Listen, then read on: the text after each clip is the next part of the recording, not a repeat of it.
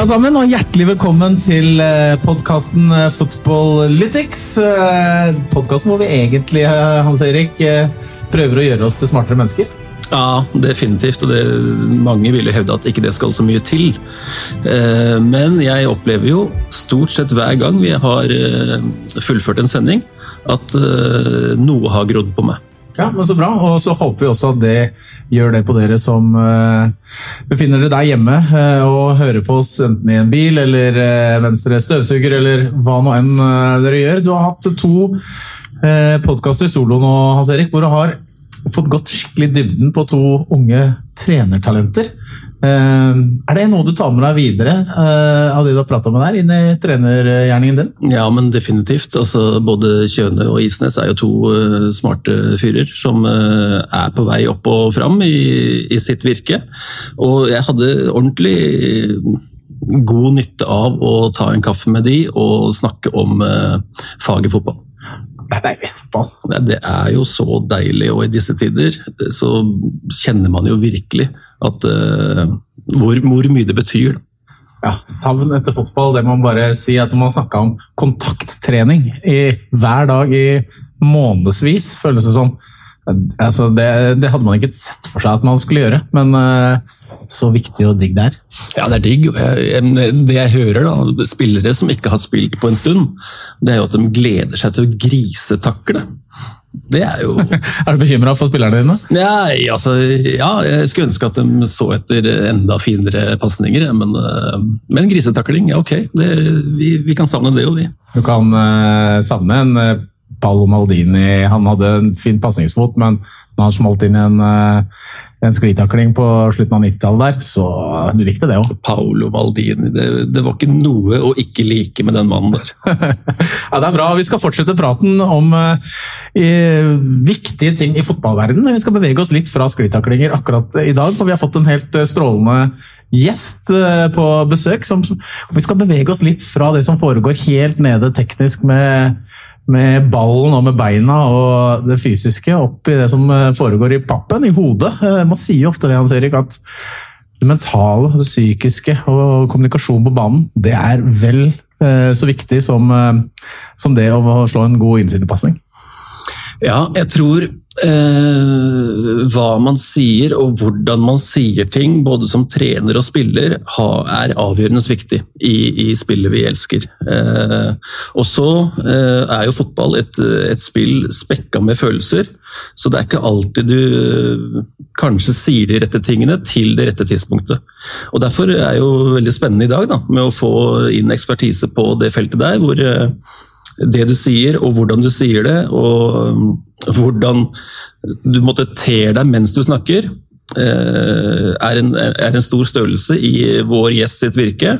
Det blir uh, hyperspennende. Ja, Vi skal prøve å koble det sammen med fotball, for jeg vet at vedkommende også er glad i det som foregår ute på den grønne gressmatta. Jan Erling Meggele Øverli, velkommen hit til oss. Tusen takk for det. Du er for de som ikke kjenner deg, kommunikasjonsleder i JCP, Just Cruising Productions, og har jobba med kommunikasjon som rådgiver, konsulent osv. Jeg leste meg opp til 15-20 år. Stemmer? Ja, noe sånt. Ja. Ja. Eh, ja. Og så Før vi går inn på selve det, så har du også spilt fotball? Det har jeg. Eh, gammel Fossum-gutt. Eh, kretsmester 94. Oi, oi, oi. Ja, veldig stolt av det. Ja, det er eh, den, eh, de har møblert litt på Fossum, men jeg mener at den, akkurat den uh, diplomet det henger der fortsatt. Jeg er veldig glad, så Da tar jeg med sønnen min dit. Ja. Husker det. Jeg har vært der før skia. Jeg føler liksom at uh, på Fossum der, der, folk blir veldig gode til å gå på ski. Ja, veldig det. Og det er jo blitt uh, der er det jo blitt skiskyting. Uh, bane, altså skytebane, der hvor den gamle grusbanen var. Så jeg vet ikke om det sier noe om prioriteringene. Men, men fin tid. Veldig fin tid. Veldig fint å ha deg her. Følger du noe daglig med på fotball uh, nå som du har blitt en voksen mann? Uh, ja, jeg, det er jo Jeg prøvde å liksom rangere meg selv, for at uh, man er så fanatiske når man kommer til fotball. Så hvis, hvis, hvis ti er fanatiske typen, så er jeg vel kanskje en Som er veldig mye, så ligger jeg på en seks eller sju. Elsker å følge fotball, som det også ble nevnt der når Bundesliga liksom eh, starta opp igjen, fy fader så deilig det var å ligge på sofaen og se Haaland løpe, eh, skoene av seg. Så, så det var en veldig, veldig god feeling. Du er trener, Hans Erik. Det å være trener og lede et lag, lede spillere som på én side skal jobbe sammen mot et felles mål, på en annen side konkurrerer om de samme plassene på laget. De forholder seg til forventninger internt, forventninger eksternt. Alt dette her er dette vi skal prate om i dag. Hvordan forholder du deg som leder, trener, til noe sånt? Mm. Eh, har du, har du dukka mange utfordringer for deg i denne, i denne rollen? Ja, ja, eh, hele tiden egentlig. Eh, det budskapet du gir spillerne, eh, kan være så bra som helst på mange måter. Hvis det ikke men hvis det ikke sendes på, på, riktig måte, så når det ikke inn. Og så er det jo så Det er så utrolig mange forskjellige individer da, i en garderobe som responderer ulikt på, på, kommunikasjon. Så det handler jo om å treffe eh, så mange som mulig, så ofte som mulig. Eh, og de som evner det, de beste klarer jo det oftere enn de som er nest best. Eh, men mye av hemmeligheten ligger der. Fag, eh, taktikk, strategi og alt det der. Der er, begynner jo folk å bli ganske bra. Eh, fortsatt mye å hente, naturligvis. Og så tror jeg vi Det er litt upløyd mark, da. Formen på, på det man sier. Jan Erling, Altså du, de beste trenerne i verden om dagen det virker som de er veldig gode på kommunikasjon. De klarer å få dratt med seg spillere i en tro på det som, eh, på det som eh, skal foregå. Eh, man er en del av noe større. Men ledelse og kommunikasjon, er det to forskjellige ting, eller henger det veldig tett på hverandre? Altså, det er jo mange som tenker at ja, det er to forskjellige felt, og det er det jo delvis. Men for en trener så er det jo det samme. Altså man, man sier at eh, han er en veldig god eh, kommunikatør, men han, han, er nok også en veldig god trener. Så når jeg snakker med, eh, jobber mye med ledere som har noe å si til egne folk, og sånn, så, så, er det som regel at de som er veldig gode ledere, de er også gode kommunikasjonsfolk. Men jeg tror også det går på det at å ikke nedprioritere viktigheten av kommunikasjon. Eh, for det er mange som sier sånn for jeg trener eh, mye ledere og sånn. Og de sier at ja, men du skal vite at jeg har jo ekstremt mye annet å drive med. Ja. Så må jeg svare har du noe som er viktigere enn dette? Enn å snakke til folka dine? Og det har de jo egentlig ikke. Så, så, så, så ofte så er det en litt sånn øvelse i at du må nesten bare anerkjenne som trener at kommunikasjon det er noe av det viktigste. Kanskje det viktigste du gjør som trener. Og Da kan du spørre Hans Erik hvor mye av jobben din vil du si, da du jobbet som aktiv trener, da, eh, eh, består av kommunikasjon? Mm. Uh, er hele tiden. Uh, mer eller mindre, da. Fordi du skal uh, overbringe et budskap til laget som helhet. Dette gjør vi, gutter. dette trener vi fram på til kamp. og så begynner man å Eh, single det ned til eh, lagdeler, og deretter til individ. Og så er det fremgangsmåten du, altså måten du kommuniserer på til lag, til eh, lagdel, til individ, til støtteapparat rundt det, til klubben over det, er, altså de som er lederne over det. Det er Alt eh, handler om kommunikasjon. Det, ja, ja og, og, det er da jeg tenker at uh, nå, nå, forenkler jeg jo uh, trenerjobben veldig her, men, men, man kan si at uh, nei, trene, tre, det å være en trener, det er å sette magneter på disse her magnettavlene og spille et trekk. Da er jeg trener, og så skal jeg kommunisere etterpå. Men det er, jo, det er jo ikke sånn, du klarer ikke å skille de to tingene fra hverandre. Fordi, fordi at kommuniserer du godt, så gjør du noe med laget ditt. Ja, i virkeligheten. Du former omgivelsene ved hjelp av kommunikasjon. Og, og dermed ser du den effekten hvis du, hvis du også er god. da. Men hvor, hvor, lett er det, hvis, du skal være trener Hans Erik, da, som jobber med unge spillere, så, ja. så føler jeg det er, er ganske greit. Jeg har sett trenere som er kjempegode når de har unge spillere. De kan omtrent få dem til å tro på hva som helst. Men så møter du en gruppe, kanskje er litt mer etablerte, litt eh, vært med veldig lenge. Eh, altså, det fins sikkert overalt. Som allerede har en eller annen Nei, men det er jo sånn jeg pleier å gjøre det, eller dette er det jeg er bra på. Veldig vanskelig å endre litt innstilling. Ja. Hva gjør du som leder liksom, for, for å differensiere på dette, eller hva gjør du for å få de, altså de voksne måte, til å tro på det du sier? Ja, altså La meg synse litt, og det er kanskje det vi skal gjøre nå. Ja, det er veldig gjerne. Det er det, det, er dette hele, hele greia handler om. Ok, Da kommer jeg med en påstand, og så får du gjerne angripe meg. Det som gjør at du kommuniserer mer effektivt med unge, er at du tar for gitt at de er med deg. Ikke sant? Du har en helt annen eh, maktbalanse. Eh, de kommer til deg. Du har en sånn eh, uovertruffen autoritet hos disse unge spillerne, og du har masse erfaring. Så du tenker at det minste de skal gjøre, er å være stille og kjepp. Nå kommer jeg som profeten ikke sant? med hvordan vi skal gjøre det. Så har du de eldre spillerne. De har vært med på like mye, kanskje enda mer enn deg. De har vært på forskjellige klubber, kanskje de har vært på eh, bedre nivåer og så, og så, også. Og da blir du litt mer avventende i forhold til hvor er det jeg har denne personen, hvor er det jeg har denne gruppen. Løsningen på det vil jeg si er sørg for at alle er med på det prosjektet du har. Og så har du selvfølgelig et prosjekt som du har som trener, men, men, eh, men det er jo viktig å få frem at dette er jo et felles prosjekt. Ikke start på noen prosjekter som du ikke har folka dine med på. Det må vi jo ta for gitt. Men, eh, men eh, så, så, løsningen er eh, å sammenligne litt med næringslivet. Ikke sant? Da er det I disse intervjuene så sier de sånn ja, altså Jeg ser på dine kvalifikasjoner, og det passer jo veldig bra med det vi har behov for. Derfor så tenker vi at dette er en match. Ja? Og så begynner en person. Her har vi et kontor til deg. Du sitter her inne og så gjør du de tingene du kan. Ok, Da prates vi, håper du trives.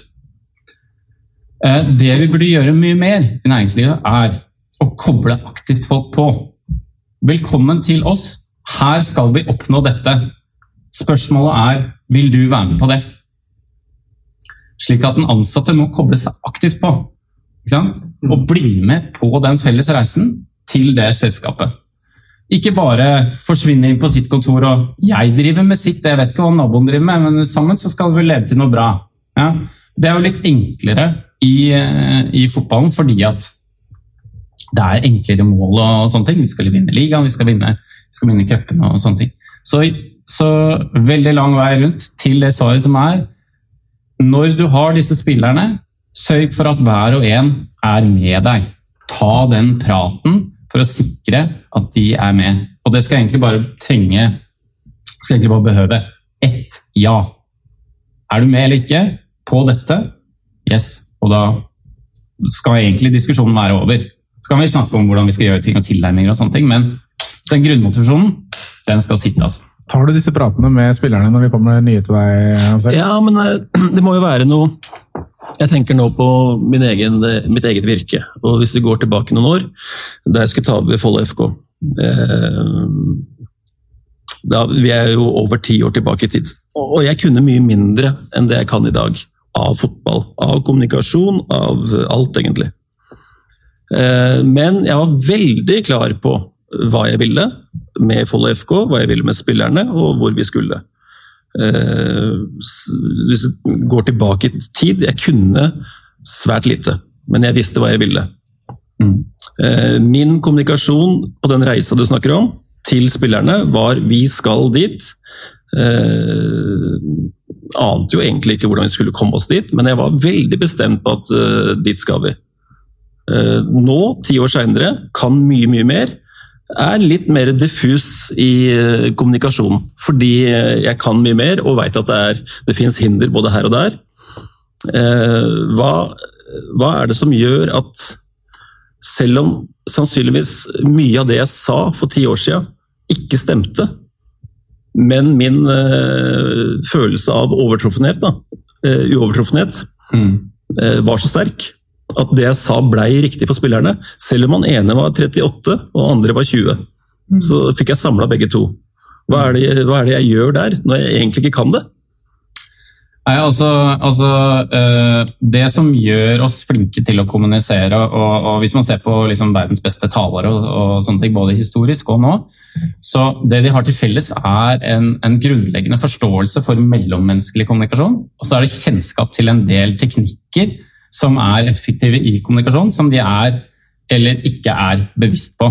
Så hvis jeg hadde sett, på, hvis jeg hadde sett et transkript, er heter?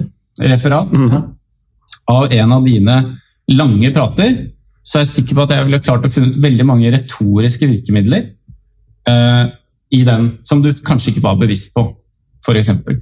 Så eh, når du sier at uh, jeg, det var masse jeg gjorde feil, var det sånn? Ja, altså, sannsynligvis. Og jeg visste ikke hva som var rett, i hvert fall, men jeg var veldig klar på at vi ja. skulle dit. Men, men la meg si det sånn at mesteparten du gjør, har vært rett. Ja.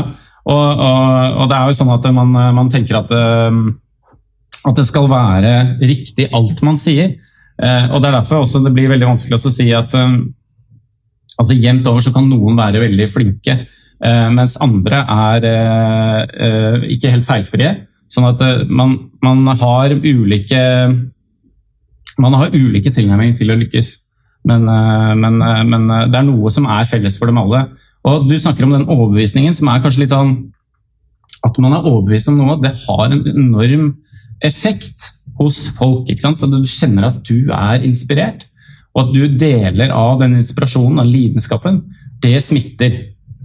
Men eh, jeg kan jo gå litt inn i retorikken, for det er min, mye av min bakgrunn. Og det er jo da at uh, Aristoteles han sa at enhver ytring består av uh, et samspill mellom tre dimensjoner. Det er etos logos og patos. Uh, har du hørt om det? Mm. Og det er, etos, er, etos er talerens troverdighet. Så er det logos, som er appell til fornuften. Og så er det patos, som er følelsene. Det utgjør de tre bevismidlene som er de tre ulike måtene vi lar oss overbevise om noe. Enhver ytring er et samspill av alle disse tre, men det vil ofte trekke i forskjellige retninger. Ikke sant? Så du kan ikke bare være følelser. Ikke sant? For da begynner det å bli sånn Er det noen plan her, eller er det bare han syns det er utrolig gøy å drive med? Og det samme er jo også at uh, liksom, hvis du blir for fornuftsorientert, sånn som vi Jeg forbinder jo mange norske tidligere trenere som ekstremt fornuftsorienterte eh, landslagstrenere. Veldig sånn, veldig sånn eh, Det er sånn og sånn, og du argumenterer veldig ryddig, men du klarer ikke å få folk til å bry deg bry seg om det du eh, kommer med. Så det må også med. Det må være en godt, godt samspill mellom de tingene. Og så er det etos, som er liksom talerens troverdighet. Og det kan man jo også si kanskje er viktigst av alt, fordi at eh, når man, eh, man, må kunne stole på den som har sagt det. Ikke sant? Sånn at eh, du må ha hatt eh, i din Follo-tid, ekstremt godt tillit god tillit mellom deg og, og trenerne, eh, eh, spillerne. Eh, så, så den at de kan, de kan, stole på deg, det er eh, veldig veldig viktig. Hvordan opparbeider man seg det? Er det gjennom erfaringer at de, de lærer seg å skjønne at du er en kan, de kan stole på? Eh, eller kommer man inn i en gruppe med en troverdighet fra før? Veldig spennende spørsmål. Fordi uh, det, det, kan du jo se på også, da, at hvordan du, eh, hvordan du Hvis vi bruker ordet respekt, da. Vil du si at du har hatt eh, altså, Vil du si at din respekt for andre mennesker er konstant? Nei, det er, nok, eh, det er nok basert også på erfaringer jeg gjør med de, og eh, typen hvordan de ter seg. Ikke sant? For du, har sikkert, du følger et, et lag. Hvilket lag følger du i England? Liverpool. Liverpool. Uh, og så har du da har, Det har vært noen dårlige trenere i Liverpool også? Ja, da, det uten, uten tvil. Vil, hvilken vil du nevne, eksempelvis? Jeg følte at jeg var ikke så alltid så imponert over Roy Evans og Graham Sunes og sånn. Ok, men, men, hadde du respekt for de da de kom, eller? Uh, Trodde du ikke, oi, dette blir bra? Eller? Nei, ikke på sånn måte som jeg for hadde da Rafa Benitez eller Jürgen Klopp. for nå. Ja, for Poenget er jo at, eh, at, den troverdigheten, den er dynamisk. Så du, når du, Hvis vi bare tar én ytring, så er det sånn at du har en viss troverdighet i det du starter, og så forvalter du den gjennom det du prater. Og så har du det som heter avledet etos, som er den du ender med. Så det vil eksempelvis være at, at hvis, du er, hvis du er en skikkelig ræva trener, og folk bare Fy faen, nå taper vi denne matchen her. Men du leverer en helt sånn glitrende tale i garderoben, hvor folk bare, bare jubler og gir alt når de kommer ut. Da har du opptjent en viss troverdighet på veien ut. Sånn at da er det da er det det som er den avledede etosen. Så, så, så, det er jo i kraft av det du sier, så, så, forvalter du det.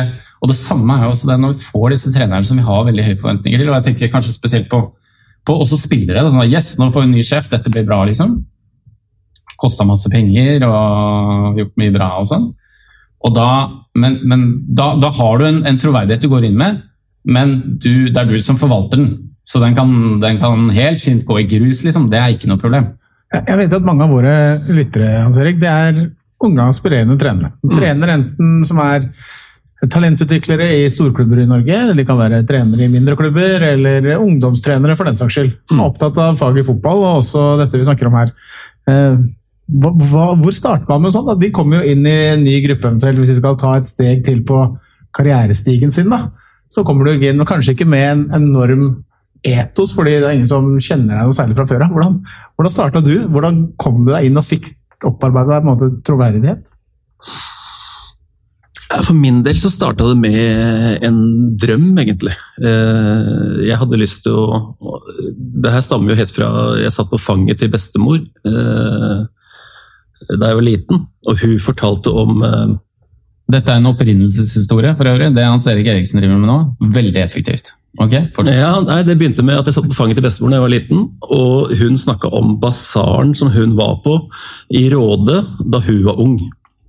Eh, basaren i Råde handla om eh, å treffe folk, egentlig. Alle i Råde møtte hverandre på torget eh, klokka tolv på lørdager.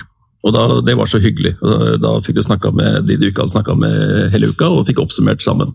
Og Det var et samlingspunkt. da. Og min drøm som Follo-trener var å lage eh, Follo FK-kamper til basaren i Follo-området. Jeg husker når vi slo Sogndal i kvartfinalen 2010. Så var det nesten 3000 mennesker i, i parken. Og jeg så opp på, fra andre sida, opp på hovedtribunen. Ah, vi har eh, kommet til en slags basarlignende sak her i Follo. Og Så kom Rosenborg-besøk et par måneder etterpå, og så var det eh, litt mission completed, egentlig. Så det var en, eh, uten å bli Martin Luther King, eh, det var en drøm. Og det var på en måte utgangspunktet for meg. Eh, og eh, da jeg blei trener for A-laget til Follo FK etter å ha vært juniortrener i to år tidligere. Mm. Og dette er det som på en måte driver meg fram til Eller det er det som driver meg og utstråler meg, da. Mm. Og det er det som uttrykker meg i, eh, i startfasen av Og så kan det sies at Follo FK var i økonomisk ruin også da. Eh, så det var Håpet var å få med folk på den drømmen, egentlig. Og be, nå spør jeg bare Var du en Hva handla om deg?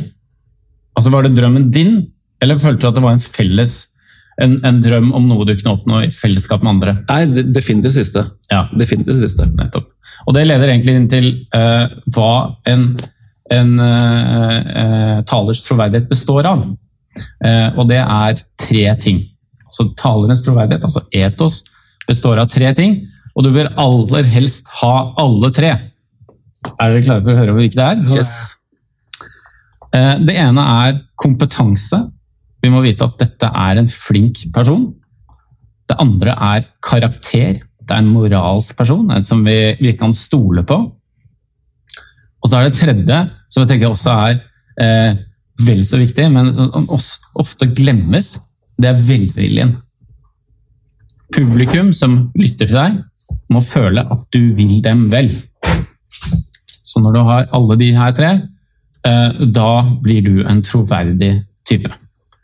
Og Da man på, kan man jo se på forskjellige typer trenerprofiler i eh, internasjonal klubbfotball. F.eks. Jeg har med noen sitater. Ja. Eh, og så kan dere da prøve å gjette hvem de tilhører. Jeg høres det som en geolek. Kjempe. Ja. Ok, så, så vi har eh, tre forskjellige trenerprofiler i, eh, i, eh, i, ja, i, si, i europeisk topp, toppliga, men alle har spilt, alle har trent eh, Premier League. da. Ja. Og så er det da eh, Jeg kan si hvem de er, men jeg sier ikke hvem, eh, hvem sitatene tilhører. Det er Mourinho, Solskjær, Klopp. Ja. Er dere klare for å få høre første? Skal jeg velge et her? Ja, gjør det. It's down to the players, but when you're at Club X, there isn't a lot of greener grass on the other side. You are at the best place. Hvem tror dere har sagt det? Det, stinker Ole Gunnar Solskjær. Ja, han er jo Det gjør litt det. Han er jo en eh, one club man, føles det som. Altså, du er der, og det er ikke noe, du skal ikke drømme et annet sted. Du er på det beste stedet du kan være. Han bruker ofte sånn sånt i sin eh, Når han prater i media og sånn, at dette her er stedet, og ingen andre steder er bedre enn her. Mm.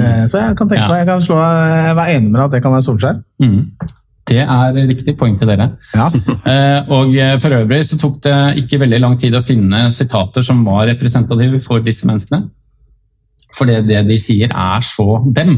Ja. De er veldig, veldig, veldig seg selv i uttrykksmåten. Det, det er kanskje en viktig egenskap også? At du klarer å være konsistent i det du sier? At du, autentisitet, som du kaller det? da? Ja, Autentisitet er viktig, og så er det jo det at du er konsistent i måten du kommuniserer på.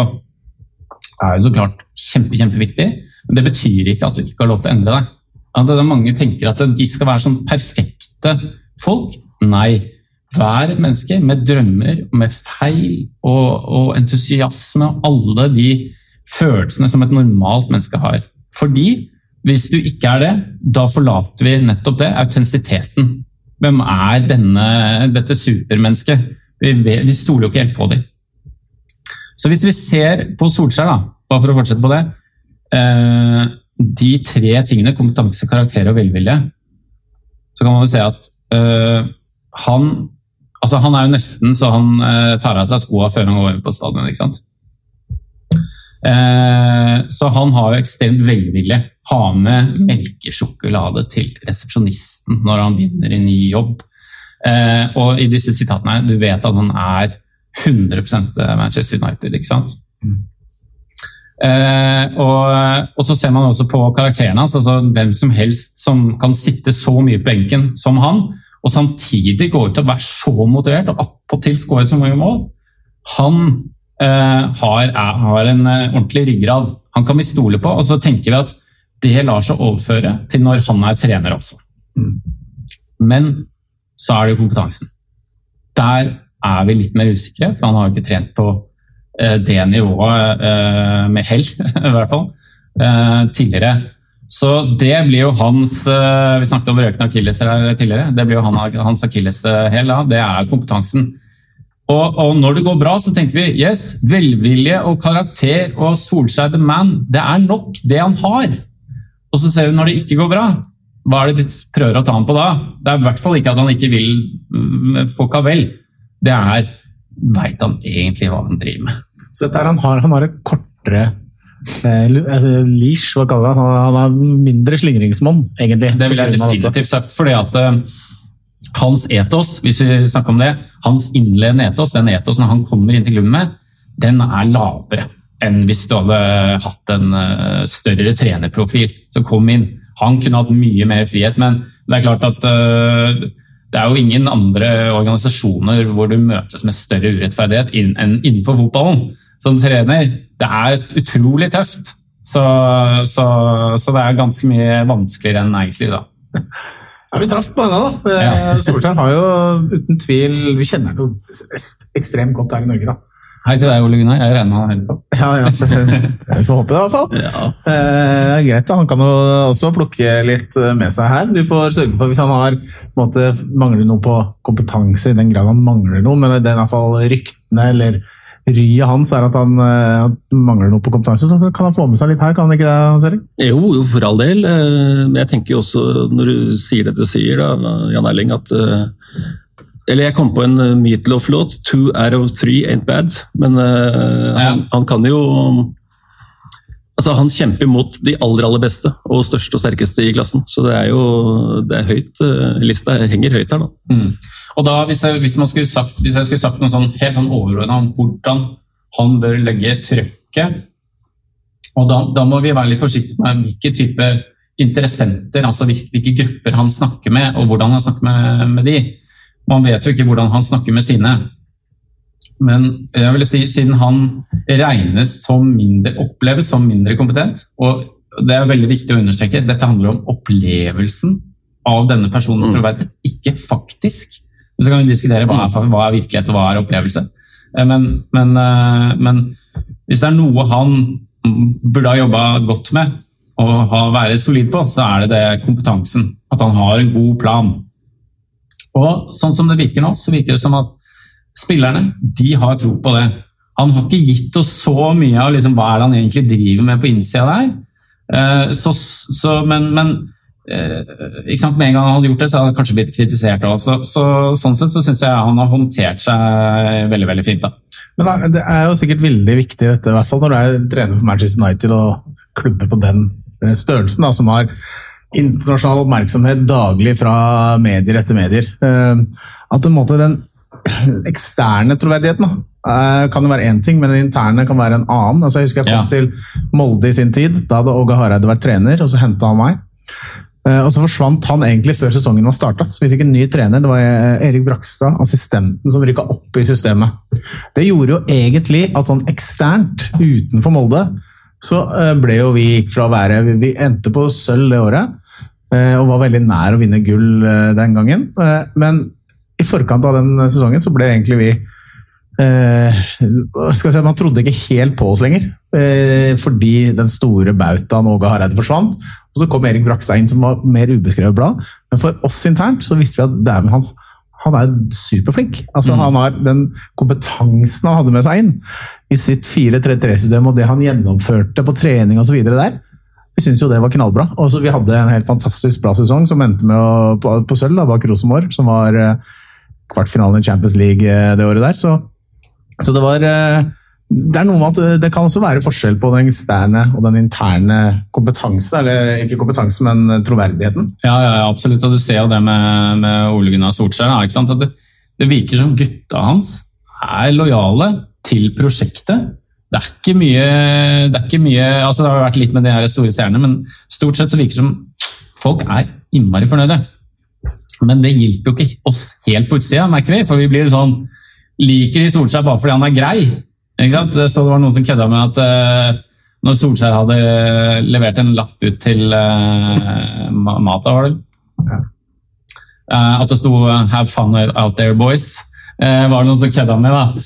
At, at Liker han fordi han bare er snill, eller driver han faktisk og utvikler spillerne våre? det er jo igjen der, da. Ok, Så det var, Sol, det var Solskjær? Ja. Mm. Ok, Eh, så da blir det jo kanskje litt lettere på de, på de andre, da. Nå har vi jo 50-50. Nå har vi 50-50. Eh, og jeg tror ikke dere bommer på denne her, da, men uh, Young players are like melons. Only when you open and taste the melon are you 100% sure that the melon is good. Det var enten Klopp eller, ja, Mourinho? Nei, det er ikke Klopp. Nei, det... Men det er definitivt Mourinho. Det er eh, poeng til hans eh, Ja, han ser poeng. det. Ja. det var litt teit der. Ja, ja, det, det, høres ut som en, det kan stemme fra Mourinho. Ok, så, så, du er jo tidligere spiller. Mm. Eh, da kan du hva, sette deg inn i Hva syns du om at uh, treneren din hadde kalt deg en melon, og må først åpne deg for å se hva som er på innsida? For å se om du er god. Uh, nei, altså jeg hadde ikke, hadde ikke følt meg uh, som han hadde veldig tillit til meg sånn i utgangspunktet. At han var mm. veldig usikker på meg, kanskje. At han nok ikke helt Jeg var ikke en som han følte han, han her skal jeg måtte ikke betro meg til, men han her skal jeg legge, sette min lit til. Mm. For det, det, han, han, hadde ikke vært sikker på om jeg hadde levert det han ønska. Mm. Og derfor så hadde jeg kanskje fått litt høye skuldre på akkurat det. da. Ja, ikke sant? og det, høye skuldre kan jo være en eh, altså Hvis det er høye skuldre er en positiv, en positiv drivkraft, så er det jo det vi, det vi ønsker. Men ofte slår feil ut, da. Ja. Så hvis vi ser på, hvis vi prøver å dissekere liksom, han innen de tre, tre parametrene her, så er det da på, på, på kompetanse så, så, eh, Nå ser jeg bare hva jeg opplever. Jeg opplever ham som ekstremt kompetent. Og han har jo en track record som er imponerende. Han har fått til veldig mye. Og han viser en, sånn, eh, en forståelse for spillet, som er en kunnskap som er, er god. Og så er det de to andre. Altså, da, da, begynner det liksom å skurre lite grann. Karakter. Eh, Kjent for å kjefte på om det er fysioterapeuter som skal gå og løpe ut til skada folk. Eh, og hvordan han omtaler eh, spillere som Hva han kalte Pogba for et virus. Ja. så vi, vi, vi, det er litt sånn, I hans atferd er det litt sånn vanskelig å, å, stole på at han gjør det beste for fellesskapet. Men, men, der han virkelig skorter, og det var jo der han på en måte, måte som leda til han i hvert fall måtte takke, takke, takke, for seg på Manchester United, det var på velviljen.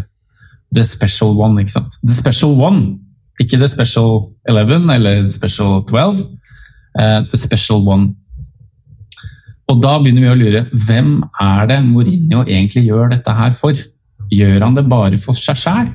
Og det er det vi begynner å, å tenke på.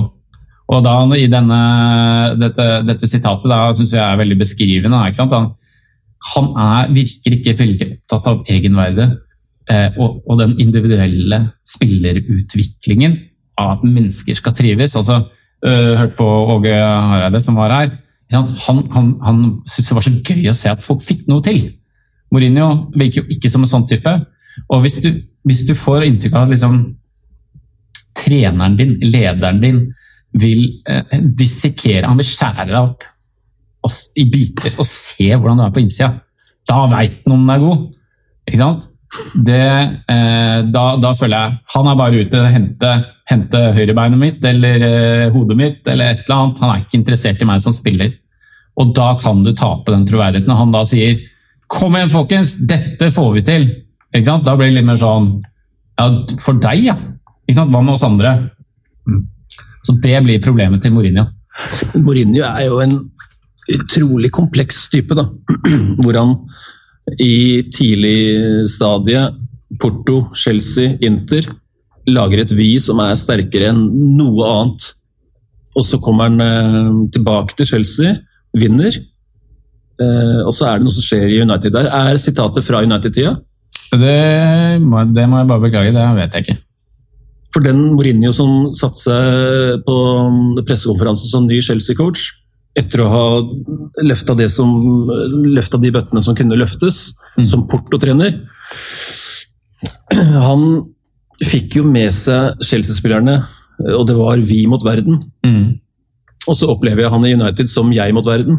Mm. Så det skjedde noe i den perioden der, da. Ja, og det er nok også litt sånn hvis du kjenner at du er under press, så må du begynne å, med forsvarsstrategier og sånn, og så kan det slå feil ut. Så det går jo inn på dette med at etos er dynamisk. Mm. For å dra et eksempel på det, tilbake til den norske fotball. Det var altså, Sammenlignet litt, eh, ikke på alle måter, men på noen måter, eh, Mourinho med Rekdal. Rekdal er litt sånn Da eh, vi holdt på å rykke ned Vålerenga i 2003 så har vi akkurat uh, klart å karre oss til en seier i kvalikkamp mot Sandefjord i Valhall. Og da har Kjetil Siem, uh, som da var direktør i klubben, han går bort og så kaster han seg litt om halsen på, på Rekdal. Og så er spørsmålet hva Rekdal sier i det sekundet. Sier han 'vi klarte det', eller sier han 'i klarte det'? Og det, står, det krangler de fremdeles om. Altså, eh, Siem er 100 sikker på at det er en 'i klarte det' der. Altså Mourinho-uttalelse, strengt tatt. Ja. Uh, mens han eh, Reka selvfølgelig selv uh, nå i etterkant har sagt at nei, nei, nei, det var vi. Altså Vi klarte det som et lag og som en klubb. Ja, og Det, det, har alltid lurt på Rekdal. Fordi eh, når han er ikke sant? Det er jo ekstern versus intern, da. Ja. Men altså når jeg opplever han, så når han har vært så utrolig sur og så utrolig sånn altså så utrolig skuffa over folk. Det altså, det er, det er nesten det, det der pakket der kan bare ta jeg vil ikke ha de. Det er nesten litt den der. Orker ikke å reise rundt i landet og bli pissa på, som han sa. Ja, ikke sant? Og da, eh, da, eh, da jeg lurt på hvordan, hvordan var det internt? Han er jo ikke like bastant internt, selvfølgelig. Men han er heller ikke redd for å måtte ta den klinsjen. da, eh, i, i plenum, for den saks skyld, foran spillere, eller alene på en, en medarbeidersamtale, som man jo ikke kaller det i fotballen, men som man jo øh, gjør det i næringslivet. Men, øh, men han er jo ikke, han er ikke én person, han heller. Han er jo også en sammensatt type, så han kan jo liksom si noe annet til deg enn bare dette det trusselbildet. Mm. Eh, som, som, egentlig noen ganger kommer ut i media. Mm. Eh, og det, for han kan ikke bare være det. Da mister han all den troverdigheten vi har snakka om. Eller, mm. eh, ja, det, fordi at du, du, er nødt til å ha med deg et lag på, på veien. På ja, for det, for det, er det som han da Jeg tenker Når han er sånn uh, foran kameraene, så må nok han evne å snu det til noe positivt når han kommer inn til gutta sine. Da må han nesten avvæpne det litt og bare si gutta, for faen jeg var så forbanna på det greiene. For dette, vi kan så mye bedre. Ikke sant? Altså, du må snu det om til noe positivt som er motiverende for folk. Uh, og da er det også det når man skal finne budskap, så må man jo også da evne å skille mellom hva som er formålet med det du skal si, og hva som skal være budskapet med det du skal si. Det kan vi godt komme tilbake til litt senere, men ofte så sier folk bare det uh, De vet hva formålet er med det de skal si, og så sier de bare det. Jeg vil at dere skal være motiverte, f.eks. Ja, du vil at spillerne dine skal være motiverte, men du kan ikke si det. Hva skal du si for at de skal bli motiverte? Er... Nå må vi være på, gutter! Nå må vi være skikkelig på! For eksempel, det er formålet. Det er jo det du ønsker å oppnå. Det er ikke det du må si for å oppnå det du vil. Det var en kart som sa til meg 'flytt den jævla bilen'. Det var formålet, at jeg skulle flytte bilen. Men det er jo ikke det han må si for at jeg skal gidde å flytte den bilen. Jeg blir jo bare den bilen den kommer jeg aldri til å flytte. Og så kaster kaste nøkkelen. ikke sant? Det blir helt sånn på bakbeina. Og det er det. ikke sant? Og det er ofte veldig på motivasjon å trykke til og sånne ting. Det er liksom, det, det å unngå det å si eh, på en måte kan vi ikke ta, Nå skal vi ta i litt ekstra. ikke sant? Hva skal du si for at vi skal ta i ekstra? Det er liksom ja, det, er det var litt sånn tidlig i Rekdal-fase jeg snakka om dette her, så han har kommet seg en del på det. Men jeg husker også en annen sitat som at han hadde hatt en litt sånn Kanskje ikke hadde spilt godt i første gang, jeg husker ikke helt hvordan det var. Eh, men det var i hvert fall en bøtte med kjeft i pausen. Eh, hvor han avslutter rett før vi skal ut. Så avslutter han med å skal gi den siste lille piffen før vi skal ut. Og da sier han Nå må vi gå ut og ha det gøy! De ble livredde på vei ut. ikke sant? Det er jo det er noe med hvordan du kommuniserer og hva innholdet er. Det hang jo ikke sammen i det hele tatt. Ja, men, eh, men, det var i hvert fall noe Det var, noe, altså det var jo lek, da. Det var, liksom, det var jo positivt. Ja, det var positive ord. Eh, så det, dere ble beordret til å ha det gøy, på en måte? Ja. ja. Eh, jeg husker ikke hvordan kampen endte. Det kan ha gått hvordan som helst, strengt tatt. Men jeg, føler, jeg, jeg, jeg, husker at det gikk ut. Ja, ja. Jeg gledet meg skikkelig. Var det sånn? Det, ja. ja. Ja, men jeg, jeg, jeg, ser jo det at uh, Og igjen, uh, påstand, men uh, autoritære ledere, de er utdøende. Særlig næringslivet, ville jeg sagt. Fordi at folk har det så godt, og de må ikke ha den jobben. De må ikke jobbe der. Så hvis de møter en autoritær leder som bare driver og holder på for seg sjæl og krever og beordrer og sånn, drit i det. Det her gidder jeg ikke. Ikke sant? Eh, før så var det litt lettere, for da var, sånn, da var, du glad for at du hadde jobb. og på en måte Det var ikke noe ikke sant? Begge mine foreldre jobber 40 år på samme arbeidsgiver. ikke sant? Og da, det funker akkurat nå i koronaen. Ja, ikke sant? Nettopp, nettopp. Da kan man jo være sånn, eh, litt mer sånn. Men, eh, men eh, jeg, jeg, tror nok det i, Nå er jo selvrealisering, f.eks., i hvert fall i næringslivet, når man, i vanlig jobb, det er veldig veldig viktig. Så det er, hvis det ikke funker for meg, I'm out. ikke sant? Eh, og så tror jeg nok at det delvis er litt sånn utdøende innenfor fotball nå, men vil nok leve lenger fordi at eh, alle drømmer om å spille toppfotball. Så derfor så tror jeg at du vil nok holde ut lenger med en autoritær leder som trener innenfor fotball, hvis det er å spille med eh, det emblemet på drakta som du alltid har drømt om. Du finner deg i mer. ikke sant? Og da er det jo også at disse trenerne blir jo litt sånn gatekeepere òg. Sånn, hvis du vil ha den drømmen din, så, så, må du være under meg, og du må følge mine regler. Og da sier man sånn ja, Ok, jeg blir med, ikke sant? og så finner du deg i mye mer da, enn det du ville gjort i, i næringslivet. da. Det er egentlig godt eh, resonnement som jeg ikke har tenkt så mye på å sammenligne de to. ja, men da, det er jo det, Jeg merker jo det at uh, spillere uh, unge spillere også nå, som eh, som jeg også var på et eller annet tidspunkt. Vi, vi godtar jo veldig ofte å, å, stå der og få en hårføner. Da, ikke sant? Hvor ofte skjer det i næringslivet at, du tar deg inn og så får du en skikkelig skyllebøtte foran alle.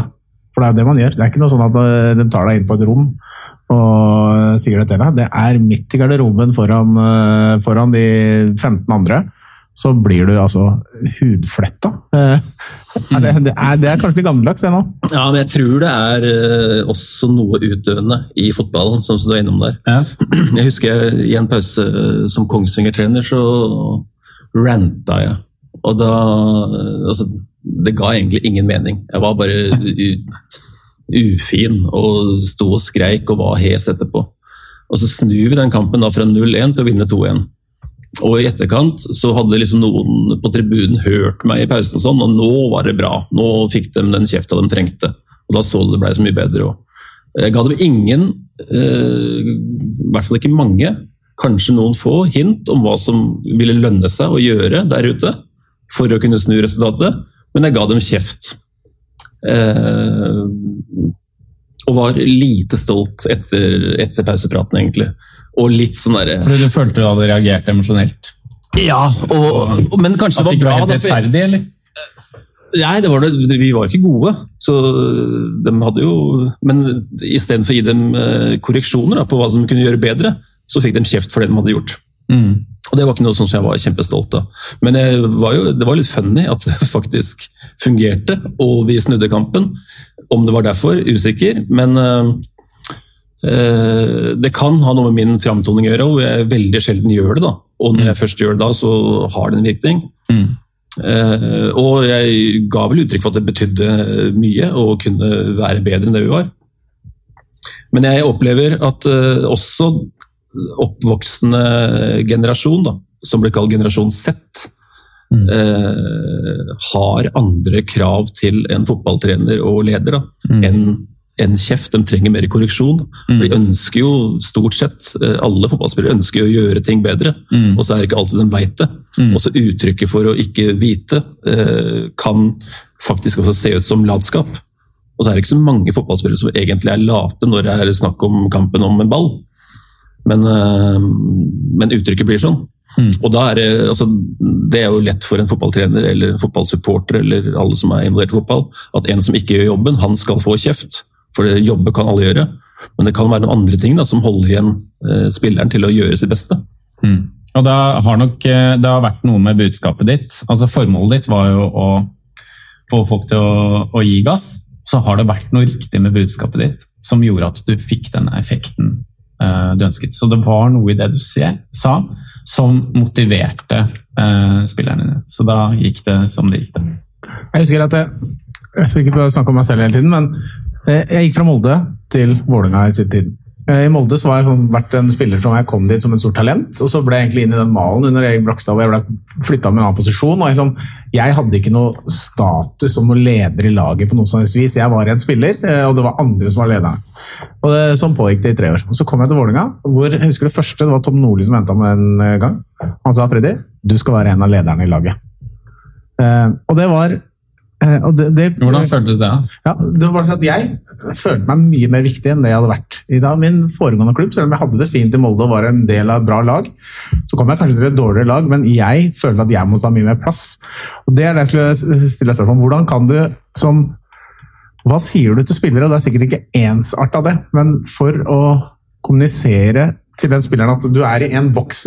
Dette er den spilleren jeg var i Molde. Det er nesten umulig for meg å bevege meg ut av den boksen i Molde, for det var den jeg egentlig var plassert i. Du er sånn spiller. Dette du var fortrolig med den boksen? jeg kunne fortsatt å spille der oppe, men jeg var interessert i å gjøre noe annet. Så jeg var for så vidt i den perioden jeg var der, fortrolig med den, men jeg ønska noe mer, kanskje. da.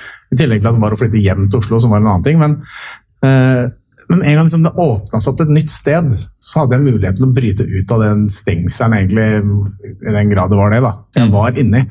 Og at det var en trener som var åpen for at du gjorde litt andre ting enn ja. bare bruke deg akkurat likt. Ja, ikke sant? Ja. Og, At jeg skulle ta mer plass og ta mer ansvar og disse tingene som jeg ikke var delegert til å gjøre noe på noen måte i Molde i det hele tatt. Og da tenker jeg, hvordan, hvordan, klarer du å bygge spillere, utvikle spillere? da? Hva, er, hva, sier man til spillere for å få de fra et sted opp på det neste? Det er sikkert ikke én ting, men sånn, hvordan, som du også driver med mye, Hans Erik, spillerutvikling. Hvordan få spillere til å ikke bare fysisk eller eh, sånn fotballmessig bli bedre, men også eh, bli liksom, sterkere, ha mer troa, ta mer plass, gjøre seg til en viktigere person selv. da. Altså, jeg, jeg, tror jo det Det er jo å starte et sted når du møter denne spilleren, og bygge en enighet og bygge en forståelse fra bunn. Ikke sant? Mm. Hvem var det som sa 'this is a ball'? Jeg husker ikke. det var en Curtis i Rosenborg. Ja, ikke sant? Altså, du må gå tilbake så langt som det krever for å bygge forståelse hos den enkelte spiller fra bunn og oppover. Mm. Og Det vil jo da være helt varierende i forhold til hva slags erfaring de har. og, og, og sånne ting. Og det er jo også og det å ha denne byggende på enighet. ikke sant? Eh, spørsmålet er jo vil du noe? Så kan man da stille denne tre, spillet. Mm. De fleste vil si ja, det vil jeg. Ok, da er, da, der er det der. Altså. Det er et håp. Det er et håp ja, men da er det der. Ok, Det er jo da ambisjonen. Ikke sant? Mm. Ok, hva er det vi vil? Hva er det vi vil? Hva er det vi vil oppnå? Da begynner vi med målsetting. ikke sant? Uh, og Det er veldig mange sånne ord som man bruker som man kanskje kan være litt vanskelig for folk å relatere seg til. Særlig sånne unge spillere og sånn. ikke sant? Men da er det jo liksom hva er det du vil? Ok, Hvordan skal vi få det til? Det er jo mål, målet og målprosessen. Eh, og så forplikte den personen til det vi er enige om underveis. Ikke sant? Der kommer jo veiledningen inn. For Med en gang du har den felles enheten, og vi er enige om at det er i begges interesse, så kan vi begynne å forplikte hverandre til det. Bare, Ei, stopp! Nå føler jeg at vi går utenfor det vi ble enige om. Eller jo, ikke det.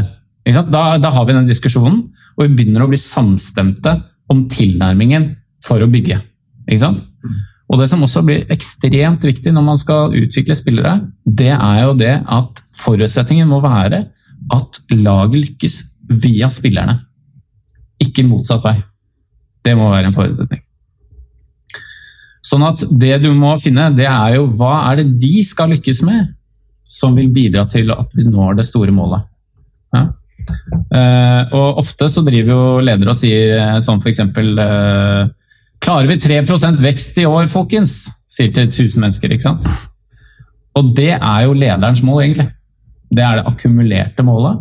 Og det er jo ikke nødvendigvis motiverende for den enkelte medarbeider. Og det samme er jo også en spiller. Ja, 3% Ja, altså, de, eh, hvis, eh, hvis, du spiller som en, eh, en eh, back, og, og, du ønsker egentlig bare en fast plass, det er ditt mål. Mm. ikke sant? Da må vi begynne å jobbe med det, istedenfor å snakke om at er du med og vinner ligaen, liksom? Altså, vi må klare oss å bryte det opp i de individuelle målene slik at vi lykkes via spillerne våre. Sånn at, for da får de også noe igjen for det. Ja?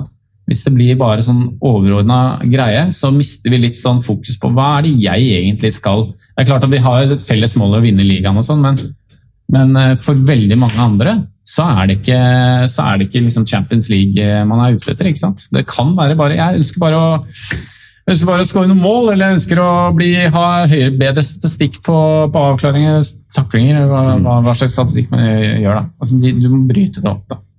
Hvor, hvor, Vi har for øvrig Klopp igjen, bare så det er Ja, det var to sekunder på videre på. At, eh, når du eh, jobber med spillerne dine enkeltvis nå, Hans Erik, og du skal sette dette her sammen i et eh, lag, hvor stor fokus har du på de enkelte delene? Hvor viktig er den individuelle treningen? Hvor stor tid tar det, kontra det du skal gjøre på et høyere nå skal jeg være litt Lars Kjernås der. Det er to ting. Um, en historie først, fra Follo-tida. Vi, vi fikk to studenter fra Kenya som skulle spille for Follo junior. Uh, han ene var fryktelig god, talentfull. Han andre var ganske god. Uh, han første han skulle gå på skole i Norge mens han spilte i Follo junior. Han kunne drible den klassiske ti mann inn i en telefonkiosk og var helt vill med ballen. Etter 14 dager så hadde han gjort det på trening hele tiden. Dribla og dribla og dribla. Eh, selv når det sto seks lagkamerater foran mål alene, så valgte han å drible nummer ni og ti istedenfor å, å spille pasninger. Og det her blei jo medspillerne litt lei av. så de, sier ikke, nå må du snakke med han og sånn og sånn. Og så gjør jeg det. Jeg snakker med han og forteller han uh, hvor gøy det er å se på han drible, og hvordan han håndterer ball og motspill og alt det der. Men når du har dribla åtte mann, så er det dags for å spille pasning, da. Og så sier han til meg ja, det, jeg forstår det, men gi meg litt tid. Jeg kommer fra Nairobi, og der var vi uh, 80 kids, one ball. Mm.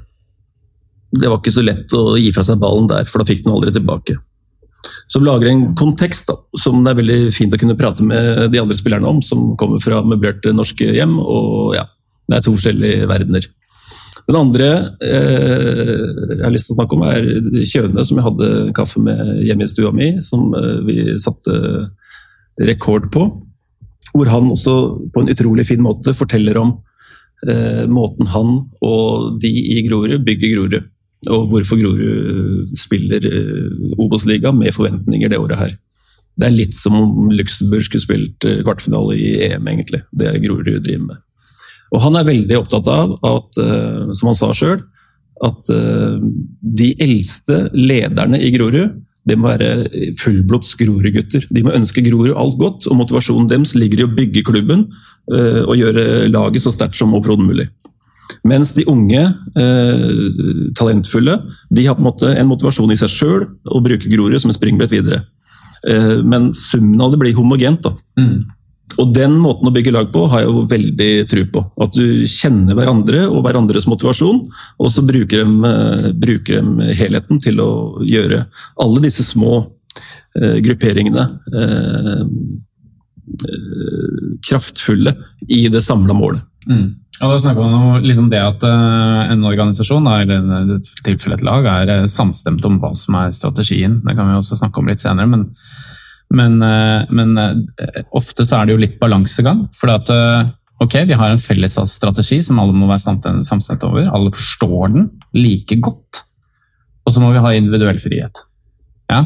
For du kan, ikke begynne, du kan ikke begynne å kvele han der teknikeren og si nei! Ikke bruk teknikken din for all pasning på andre touch hver gang. Ikke sant? Maks. Ikke sant? Du kan jo ikke det.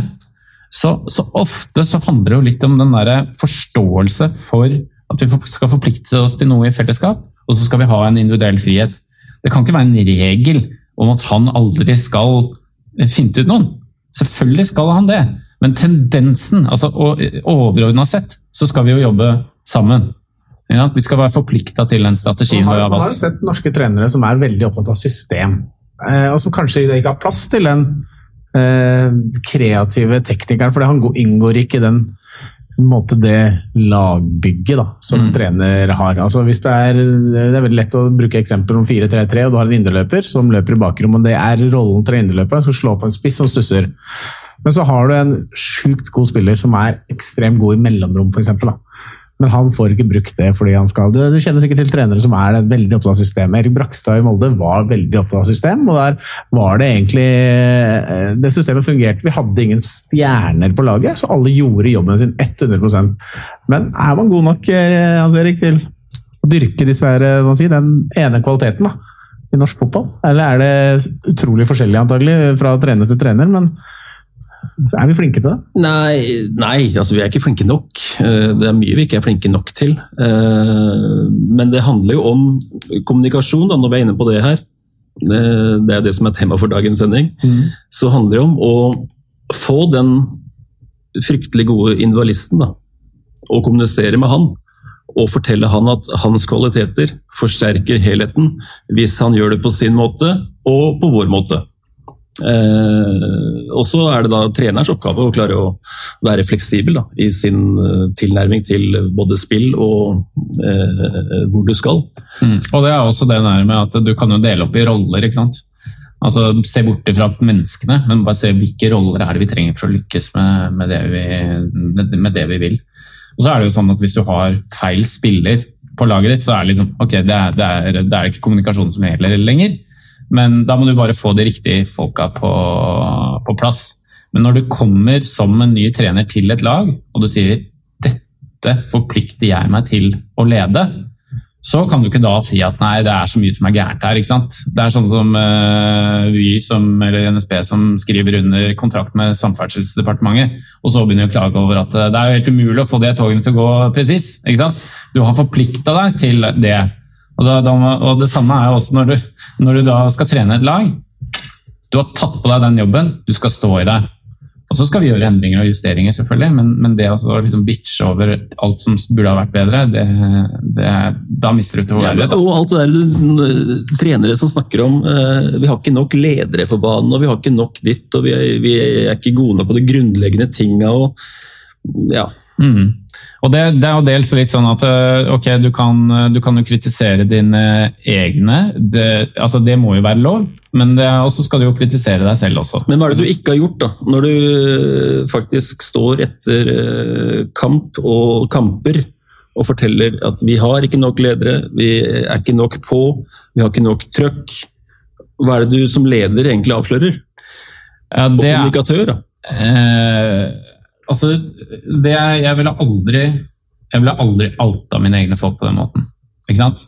Uh, nå, nå, antar jeg det var hypotetisk, jeg besvarer ikke det, det hvis det var et konkret tilfelle. Men, men, men, jeg ville aldri solgt ut mine folk. 100% lojalitet eksternt overfor spillerne. Det tror jeg er så viktig for å ha den velviljen uh, internt. Uh, men, men jeg tenker jo også at en, en trener eller en leders jobb stort sett består av å kunne se hva vi trenger å gjøre. Det å, se, det å finne svarene det er jo veldig vanskelig med fotball. Sånn at ok, vi spiller etter en viss tid, men det, det, er et eller annet som ikke funker her. Og da er jo det, det er jo trenerapparatet sin, sin, oppgave å finne ut hvor, hvor er den feilen her. Liksom. Mm. Eh, så, så, så jeg tenker jo dels så må man jo ta sin egen kritikk og være tydelig på det. Også, også, det er lov å kritisere sin e egen også, men, men, aldri selge dem ut, for da mister du det der tilleggsforholdet du er helt avhengig av. Også. Men er det også litt forståelig noen ganger at trenere gjør det? Fordi de står der som lederen for laget, eh, og det er med veldig få unntak hvis det går dårlig i en klubb, så forsvinner treneren. Det er hans jobb som står litt på spill. Da. Mm. I hvert fall først, altså Hvis spillerne leverer over tid, så blir de også ferdig, men Nei, det blåser på toppen. Ja, er, det. er, det, er det liksom forståelig at treneren også har vanskelig for å måtte stå der i vinden og ta kritikken selv? å og ta dette internt? Er det jobben, ja, jeg, jeg, jeg, ligger det? Jeg skjønner det veldig godt. Uh, og og jeg syns ikke man skal begynne å bedømme trenere som eh, politikere, liksom. Altså som profesjonelle på formidling. De er ledere, først og fremst. Så det å drive med medieanalyse om liksom hvordan en viss leder altså dette, Denne saken håndterte han dårlig og liksom sånn, Ja vel, men hvis han klarer å trene laget sitt, det er jo egentlig det viktigste. Eh, men, men, jeg tror også at man, man, må skille litt mellom de ulike interessentgruppene. Altså, man må slutte å se på media som det, en, en, en, man trenger å eh, forsvare seg overfor. De er jo egentlig bare et filter til de som egentlig betyr noe, og det er jo befolkningen. De som følger laget. Så jeg ville sagt at uh, treneren må være sikker på at, uh, at, de er gode på kommunikasjon til sine egne folk, og så kan man definere hvem de er. Men, eh, men, man trenger egentlig ikke besvare eh, noe, Det er ikke noe som krever at man må besvare alle, alle kritiske spørsmål fra, fra mediet, men det er jo deres oppgave eh, også. En annen ting som jeg, altså Vår gode kollega Vidar har gjort en del research med deg før vi, før vi sitter her. Og Et av de tingene som kom opp i den researchen, var at sånn som media er i dag, så, eh, så, er den litt mer splitta. Det er ikke bare en avis som følger at det blir fasiten. Det finnes sosiale medier, det finnes egne kanaler for klubbene å kommunisere i. Hvor viktig er det å måtte, Hvordan gjør man for å beholde liksom, eh, eierskapet over den historien, som kanskje er litt vond, som lekker på i VG da, eller Dagbladet, eller hvordan det skal være. Ja, og det, det, er jo en veldig fin utvikling, mener jeg. At uh, man har jo mange flere kanaler. Man klarer å bygge følgeskarer uh, hvor man kan kommunisere direkte til sine egne folk. Og da uh, si det sånn som man selv ønsker. Og så betyr ikke det at det er sant, det som står der. Det er jo ikke så, så og, og, vi snakker heller ikke om noe propagandakanal, men alle har rett til å ta til orde for sin forståelse av virkeligheten. Det, er, det må man ha rett til. Og Det betyr at man kan eh, kommunisere direkte med supporterklubber og en, en, eh, en gruppe som jeg tenker er ekstremt viktig å ha en god relasjon til. Eh, men, men så trenger vi mediene også til å stille de kritiske spørsmålene. Ikke sant? Hvor det er sånn Ok, nå har vi holdt på med dette her i, i to år. Vi ser ikke effekten. Hva tror du, trener nummer X? Liksom. Det, er, er, det bra nok? ikke sant? Nei, åpenbart så er det jo ikke det. Så, så vi, må, vi, må ha, vi, må, ha, mediene, og vi skal liksom forplikte oss til å besvare de på en profesjonell, og ryddig og åpen måte.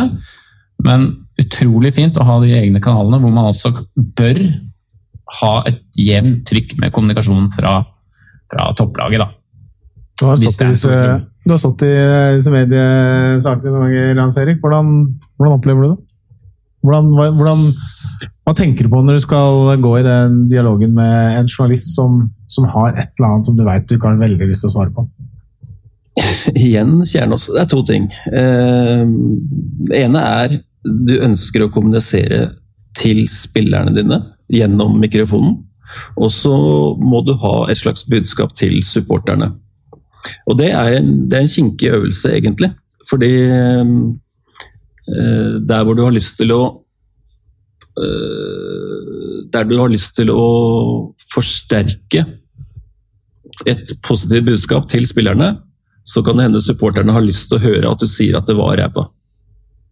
Og så trenger ikke spillerne høre at det var ræva, for de har akkurat, akkurat prestert under det de egentlig ønsker sjøl. Så det er en, eh, men det er iallfall tanken min når jeg får en mikrofon i ansiktet. det er her skal spillerne høre et budskap, og supporterne skal høre et budskap, og egentlig begge to skal være fornøyde. Så eh, spørsmålet til deg, da, Jan Erling. Hvordan eh, kommer man best fra en, eh, en sånn situasjon? Jeg tenker eh, Det er en litt sånn gyllen mellom-middelvei der, hvor du må prøve å tilfredsstille de ulike interessentene du har. da. Problemet med det er jo det at vi får det utrolige kjedelige tingene, svarene. Det, det, blir så kjedelig å høre på, og det, og det, er, ingen som, det er ingen som bryr seg. Så, så, så, jeg er jo litt sånn tilhenger av å, og, og, det mener jeg at fotballen det, er det som er bra med fotballen, er at lederne viser følelser. Det bør jo næringslivet øh, gjøre mer av. altså Næringslivsledere bør vise mer følelser som en, som en fotballtrener. Kanskje ikke bli helt sånn Eh, helt eh, gæren og rister på benker i, i garderoben. Men, eh, men de, må, de kan, har noe å låne derfra. Men, men, jeg tror jo også at hvis man er god på kommunikasjon i alle de altså Hvis du sier supporter, media, spillere. Ja, hvis du sier de tre. Hvis du er god på regelmessig tydelig kommunikasjon i alle de kanalene, så, så bygger du på en måte en viss soliditet, en viss robusthet.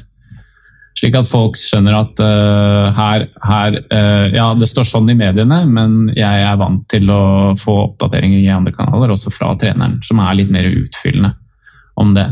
Men jeg tror også sånn at man skal ikke legge det, det er ikke nødvendig å legge frem alt. Det er ikke din jobb som trener å si her er, her er, liksom, her er skrevet en telefonbok, det er alle mine planer, vær så god. Uh, er det godkjent? Ikke sant? Nei.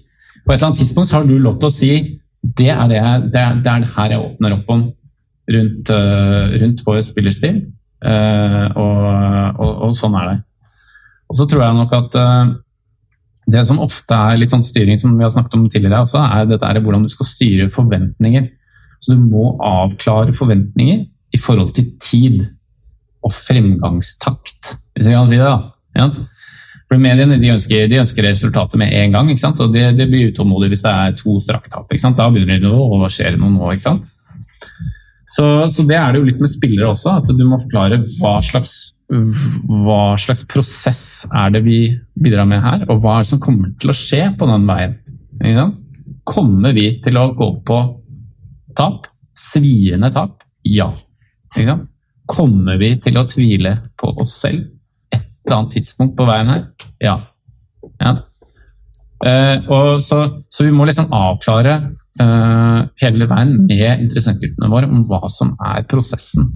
Men det er klart det er krevende å kunne stå i en sånn Hva, hva, hva, hva, vil du si er lengden, varighet, på en sånn prosess, en målprosess på et, på et toppfotballag? Det er veldig, veldig varierende, egentlig. Du, Store bedrifter har jo tre til fem år strategiperiode. Ja, og det snakker jo klubber om uh, til en viss grad. Ja. At om tre år så skal vi være der, og om fem år så bør vi være der. Og så snakker trenere, spillere uh, i relasjon til media om hvordan sesongen skal gå. da. Men så har du Eh, gode trenere som også snakker om de neste fem kampene og neste ti kampene, og deler opp tabellen i, i uh, bolker, da, på en måte. Ja. Uh, og så tror jeg veldig på det du snakker om med forventningsavklaring. Da. Uh, både til spillere og til en viss grad media. Og så ser jeg utfordringer med media og forventningsbildet med å skape mm. ståhei til klubb og sånne ting. Jeg husker jeg snakka med en en trener som trente en stor klubb i Norge, egentlig. Fredrikstad, som han heter. For noen år tilbake. Og han hadde ikke så veldig god tru på laget sitt. Altså det, det, var ganske mye som gjensto der før det var et godt fotballag i divisjonen de spilte i. Men forventningene og trøkket rundt, både fra byen og sponsor og mediefolk, var jo at det laget her skulle kjempe i toppen. Og for å kunne selge x antall sesongkort, som klubben var avhengig av, så måtte de hause opp uh, stemninga og si at nå er vi bedre enn noensinne. Og så Mens han måtte si det, så rista han jo egentlig på huet sjøl at vi er ikke så innmari gode, egentlig. Mm. Så han ble satt i en skvis, da, fordi forventningene var uh, høye rundt han. Mm. Og da, det, da, ser jeg for meg at det er vanskelig å kommunisere. Ja, og, men jeg, jeg, tenker jo, jeg, tenker jo, problemet starter med en leder som ikke tror på sine egne folk. Uh, og så sier Nå sier jeg ikke at han ikke gjorde det, men, men eh, spørsmålet må jo være har dette laget en plass i denne ligaen. Ja? Det må det være. Ja, det har det. Og det er litt sånn som NSB-greiene. Har du tatt på deg denne jobben her og få det til å funke? Og du har sagt, du har skrevet 'yes', her skal jeg gjøre. Da har du det ansvaret. Uh, og da må du bidra til det. At det er forskjellige forventninger som skapes. Uh, uh, det er det Jeg vil jo utfordre den eksterne kommunikasjonen. Det vil jeg. Fordi det er risikabelt å skape så høye forventninger, for da er vi dømt til å mislykkes. Så det, det, det, er jo ofte slik vi jobber at vi ser at strategier litt må omformes når vi ser at det er vanskelig å kommunisere dem. Mm. Hvis, jeg, hvis, vi med, hvis, vi jobber med noen vi jobber med, så er, det, jeg, det er helt umulig å kommunisere den strategien her. Hvorfor det? Fordi den er ræva. Det er utrolig ullent beskrevet. Det er ikke noen, er noen uh, milepæler, det er ikke noen uh, pilarer, strategiske pilarer. Det er liksom ikke noe å holde i som er good shit. Her må, vi, her må strategien gjøres om. Og det er litt sånn der også, at hvis vi ser bare hvordan skal vi kommunisere at vi skal vinne ligaen med et lag som ikke er i nærheten? Vi må gjøre noe med de ambisjonene som vi fremmer, eh, fremmer eksternt. Det er jo en klubb som ikke var uh, dus da, med egne målsetninger, egentlig.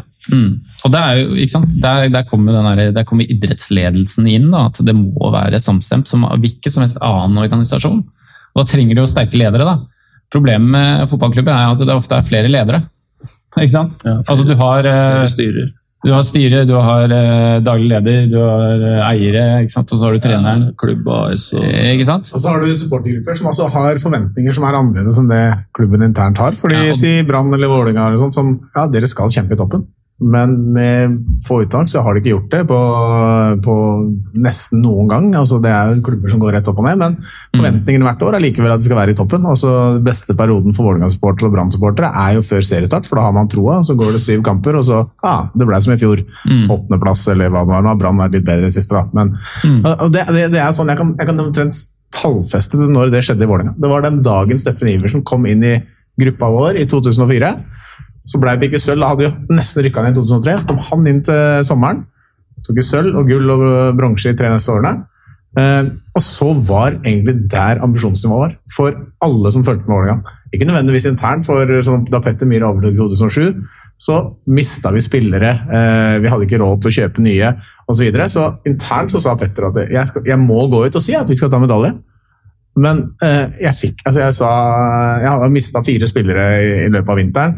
Jeg har ikke klart å erstatte dem. Jeg, jeg bare vet at den eh, det er et for, kanskje for hårete mål for oss, da. Mm. Og, det, det, ja. og, det, og, det, er veldig vanskelig når det er en hel supportergruppe og kanskje også en eier og en daglig leder osv. Som, som står da på at vi skal være en toppklubb i Norge.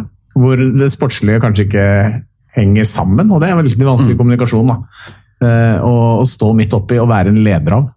Ja, og, og da vil jeg si sånn budskapsmessig ha fokus på det du skal oppnå, fremfor hva du ikke skal oppnå. Vi skal ikke vinne gull, det får vi ikke til. Ikke sant? Nei, ok, ta til orde for hva skal vi få til. Og så kan det jo være noen som sier ja, men hvorfor snakker du ikke om gull? og så kan vi heller, da, da, blir jo det en, da må vi prate om det òg. Men jeg tenker at uh, du må forplikte deg til det du ønsker å ha fokus på. som du mener er realistisk mål. og så ja, kan ikke du styre alle forventningene heller. Sånn som Petter der, da, som var relativt ung og fersk, mm. og tar over etter Rekdal med alt det Rekdal er og var. Eh, og eh, det står gull i, bak deg. Mm. Kan Petter Myhre, for å bruke han her nå, kan han melde da, ett år etterpå, eller tre kvarter etter at Rekdal har gått ut døra, og si vi skal bli nummer fem? Eh, med hans pondus, hans status, etter det som akkurat har skjedd. Hva mm. skjer med Petter Myhre idet han sier det? Vi mm. er fornøyd med femteplass i Vålerenga. Ja, og der, der ville jeg jo ikke ikke eh, Jeg ville jo ikke tallfesta det. Jeg ville hatt fokus på mer kvalitative mål, f.eks. Eh, fremfor å si at eh, sant, vi skal sikte på, på sånn og sånn resultat. Det er klart at Hvis man, hvis man er forplikta i en eller annen setting, jeg vet ikke hvorvidt man er det, men hvis man er, føler at man må si hvilken plass man skal ende på Jeg mener, ja, Altså, da må man jo ja, si at det er minimum, da, sånn som Manchester United sier ja, vi skal i topp fire. ikke sant? Eh, er ikke det de sier? Ja, ja, men Vi skal utvikle spillet, da, hvis Petter hadde sagt det. Vi skal utvikle spillet vårt. Ja, Det er for, det er for tamt. Det funker ikke.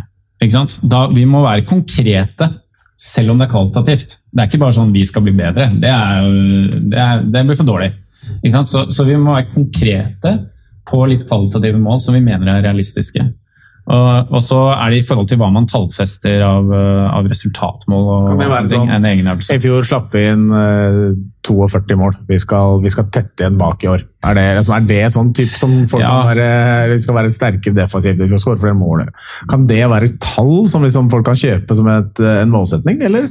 Blir det også litt for, for spesifikt? Jeg tror det blir litt for spesifikt. Og så er det også litt, det er også litt sånn øh, vanskelig med tall å eh, tallfeste eh, altså, altså, Du kan jo ha dritbra prestasjoner selv om du slipper inn mye.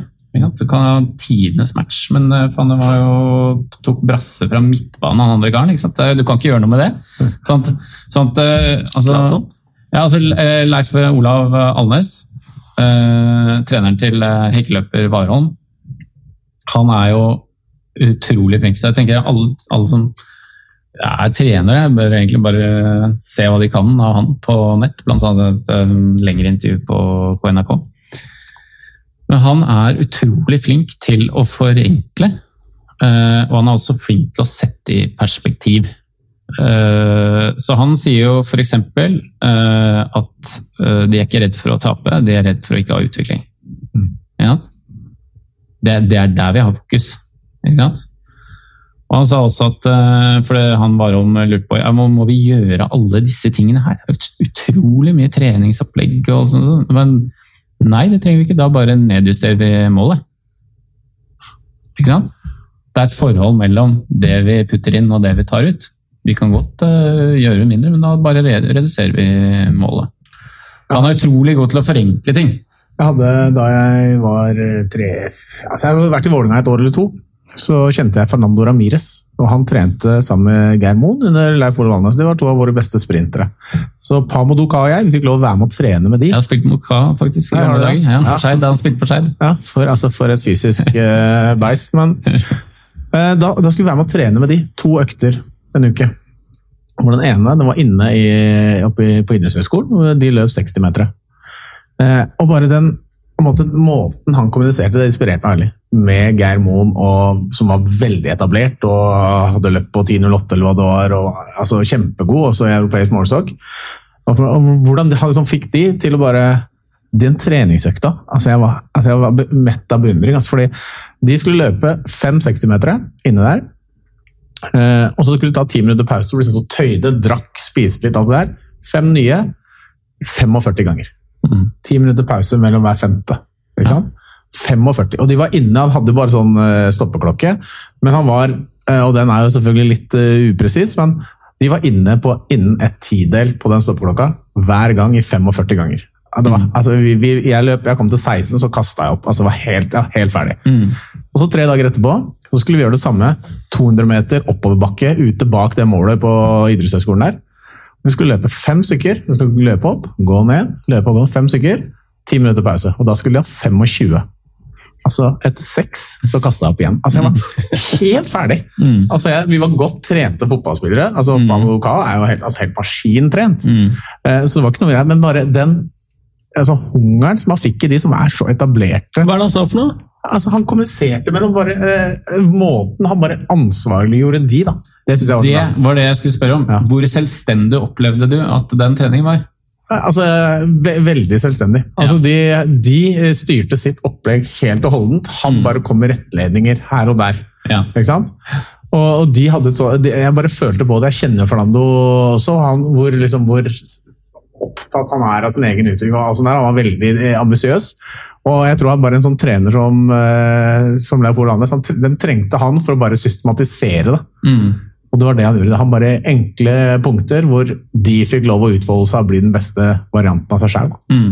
Og det, det virker som han er veldig god til å bruke og på en måte uh, hente ut den, den energien som er latent i utøveren. Altså at Istedenfor at, uh, for at du kommer der som trener og sier ja, hva skal vi oppnå, hva, hva, hva skal vi få til, så, eh, så er det det å hente det mer ut av eh, den spilleren, sånn som, eller utøveren, sånn som jeg var om, så opplever jeg at det er, det er veldig gjensidig. Ikke sant? At det er bare ok, hva vil du oppnå, da? Ok, hvordan skal vi oppnå det?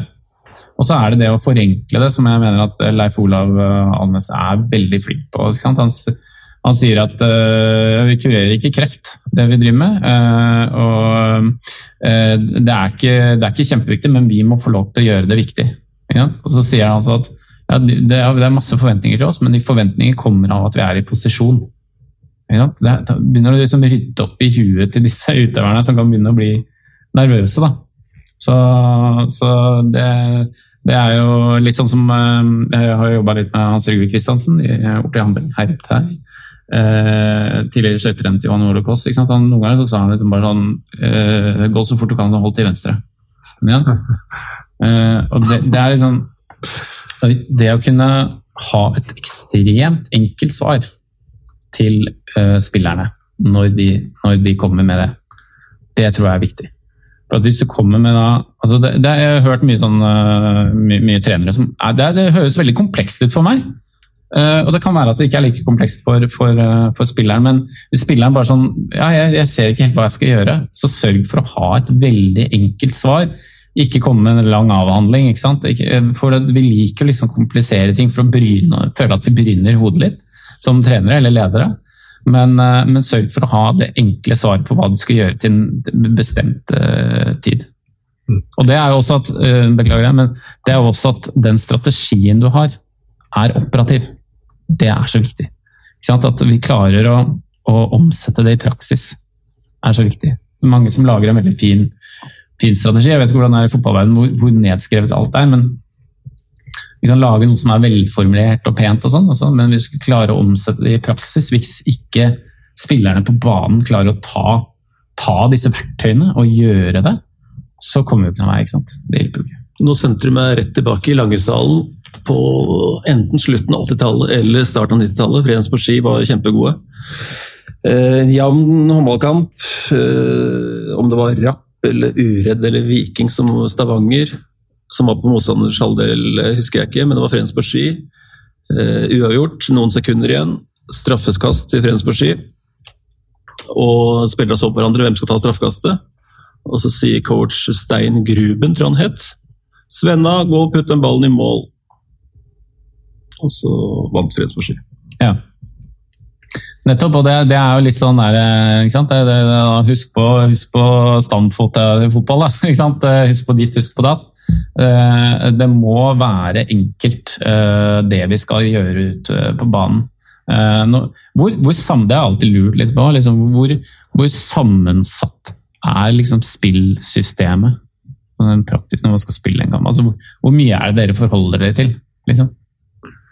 Uh, det, det, er litt varierende, tror jeg, mellom trenere hvor, hvor stor andel av kreativ frihet du har og hvor systembasert treneren eh, velger å legge opp taktikken. Altså, som jeg var inne på Brakstad tidligere, han på hver eneste kamp, altså hver eneste treningskamp, ofte på treninger, så var det sånn Du har ballen her, du har tre alternativer, du har tegning på tavla. Du skal enten slå den dit, eller dit, eller dit. Det var de tre alternativene du har som høyreback. Ok, så, så, det var oppskriften din? Ja, okay, oppskriften din.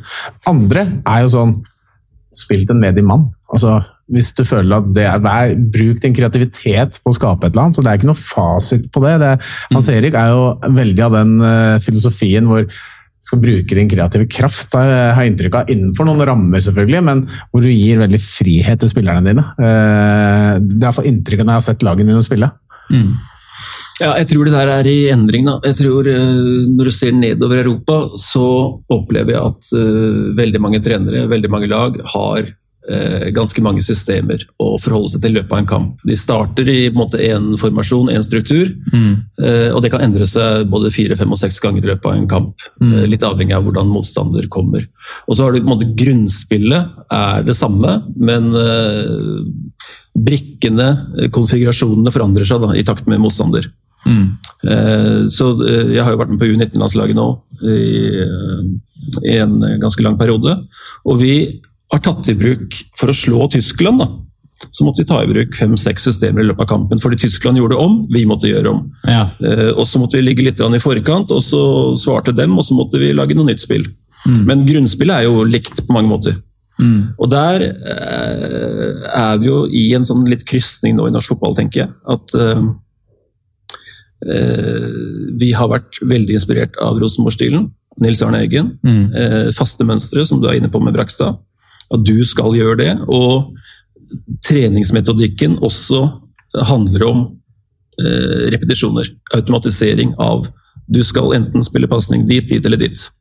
Mm. Og så tror jeg bildet i europeisk eh, toppfotball nå er i endring. Da. Og at du, du, Verktøykassa er ikke stor nok med de tre løsningene. For at det blir mer og mer sammensatt? Er det ja, mye mer sammensatt. Og mye, og reaktivt, mye mer reaktivt og ja. mye mer komplekst. Og så er det da utfordringa i en sånn forståelse å være eh, en god eh, Være veldig god på kommunikasjon. Mm. Fordi det kan lett bli veldig blurry og endringer og den type ting. Da. Men så tror jeg også at dette handler mye om hvor godt du klarer å trene og øve på det her på feltet. Sånn at spillere, når du gjør en endring, enten i formasjon eller i en litt uh, konfigurasjon, Mm. Så veit spillerne også sin rolle der. Da. Men mm. jeg opplever jo spillere som ah, det var så utydelig, for det var så mange systemer å forholde seg til. Jeg tror en god kommunikatør da, klarer å se på Guardiola, da, som er blant de aller, aller beste. Mm. Som hvor, hvor, mye de spillerne egentlig skal samle informasjon av det han gir, men allikevel så er det jo mm. eh, musikk, det han eh, uttrykker. da. Ja, og det er sånn at Et trenerapparat kan jo ha en altså de, de, kan jo kose seg med så tjukk strategi som de bare vil, men i, i det du skal ta det ut i organisasjonen, og folk som skal på en måte elleve stykker på banen, eh, sørg for at den er eh, det er det essensielle. Det er det som er avgjørende, som de får vite. Så er det masse betraktninger i bakgrunnen som, som du ikke må finne på hvis ikke de, å gi dem, hvis ikke det kreves. Men jeg hadde en annen uh, innspill her også. Det er som jeg pleier å bruke i forhold til hva man skal ta til orde for. Og, og da er problemstillingen sånn er hvis, hvis du mener selv at det du har sagt er klart og tydelig, men du opplever ikke effekt, hva har du da gjort feil? Ja. Ikke sant? Det er veldig mange som sier det. Men jeg har sagt det jeg 10 000 ganger. Jeg sier det igjen, jeg. Så bare, å herregud, ikke sant? Ok, Så det er, én av, en av tre, eller en kombinasjon av de, som er årsaken til at du ikke opplever effekt når du kommuniserer. Så det ene er forståelse. Enten så skjønner de ikke hva de skal gjøre, eller hvorfor. Så der ligger litt sånn forankringen også. To, eller så har de ikke gjennomføringsevnen. De klarer ikke å omsette det de vet, i praksis. Tre, så gidder de ikke. Det er noe med viljen som feiler. Der ligger liksom kulturen og, og, disse tingene. Så det er jo ofte det at hvis du ser at ok, øh, vi har en fantastisk eh, god strategi, på en måte en, en plan, da, for å kalle det. ikke sant? Alle er 100% med på den. Vi tror på den. Og så skal vi begynne å gjøre det på banen. Sånn som du sier, da, vi skal begynne å spille etter de systemene. Bare faen, det her var jo jævlig vanskelig. Nei, jeg bare begynner å, begynner å bli kreativ jeg nå, istedenfor. Uh, ellers så, så, så, ser du at trykket mangler ikke. trykket trøkket mangler. Ja. uh, du ser at folk er ikke kjappe nok på den. At, og da begynner du å snakke om bryr de seg nok. Det begynner å bli en annen ting enn når du ser spillere som som på en måte vet hva som skal gjøres, de vet hvordan de skal gjøre det, men likevel så er det lunting på banen, eller eh, de, de tror det ikke. Og kanskje også at du mangler den kulturen at de korrigerer hverandre. da. Det, faen, det her er ikke det vi ble enige om, kom igjen, da. Det er jo også en, en sånn kulturell greie. Så, så, hvis du ser at eh, det er noe som, eh, som, er gærent, se til en av de tre og begynne å, begynne å kommunisere deretter. Vi snakker jo om kommunikasjon i dag, og jeg tror vi har gjort et uh, kommunikasjonsmessig veldig godt stykke arbeid når vi har latt den tredje, tredje sitatet henge så lenge, så lytterne nå sitter omtrent på tuppen av stolen sin og lurer på hva i alle dager er det da Jürgen Klopp har sagt. For vi har brukt Mourinho, vi har brukt Solskjær. Du tisa med de tre tidligere i, i sendinga her, Jan Erling. Ja. Ja, nå, trodde, si. nå, trodde, kanskje folk at ja, vi bare de later som ikke de, de hadde tre sitater. og så selvfølgelig ut. Nei, det tredje sitatet, som tilhører eh, Jürgen Klopp, er You can celebrate big wins together, go through big defeats together, but between these things you have to play football people want to talk about. Ja. Og, og, og Klopp er jo en litt sånn Han er jo fotballfilosof. Hvis du søker Klopp-quotes, fy fader, det er mye greier. ass. Han, han, han liker å liksom kverne, ut, uh, kverne, ut, disse tingene. Men hvis vi ser bare da kjapt, og så kan vi høre hva, hva, hvorvidt dere er enig uh, på kompetanse, karakter, velvilje. Ikke sant? Han har kompetanse på liksom Nå klarer jeg ikke å bedømme i forhold til Mourinho, men høy kompetanse. Absolutt. Ikke sant? Og karakter, du ser at han har vært konsistent i din, sin atferd. Det har ikke vært mange avvik der. Gjennom hvordan han har behandla folk, hvordan han har fulgt eh, spillersystemene eh, osv. Og så den velviljen. Altså, hvordan er han når det går bra? Ikke sant? Og, og, og hvilken, hvilke, hvilke følelsesspekter er det han tar med seg på banen? Ikke sant? Det, det er jo du ser jo hvordan han koser seg når, når eh, sant, Arnold slår en frekk corner. Ikke sant? Eh, ikke sant? Det, er jo en, eh, det er jo en gjensidighet der som, som er så god. Så, så, så, så, jeg vil jo si da at han skårer jo veldig bra på alle de tre. Og selv om han ikke er Liverpool-supporter, jeg er ikke det. Så, så jeg tenker jeg det er ganske mange som er glad i fotball, som kunne godt tenkt å ha han som trener. For å si sånn.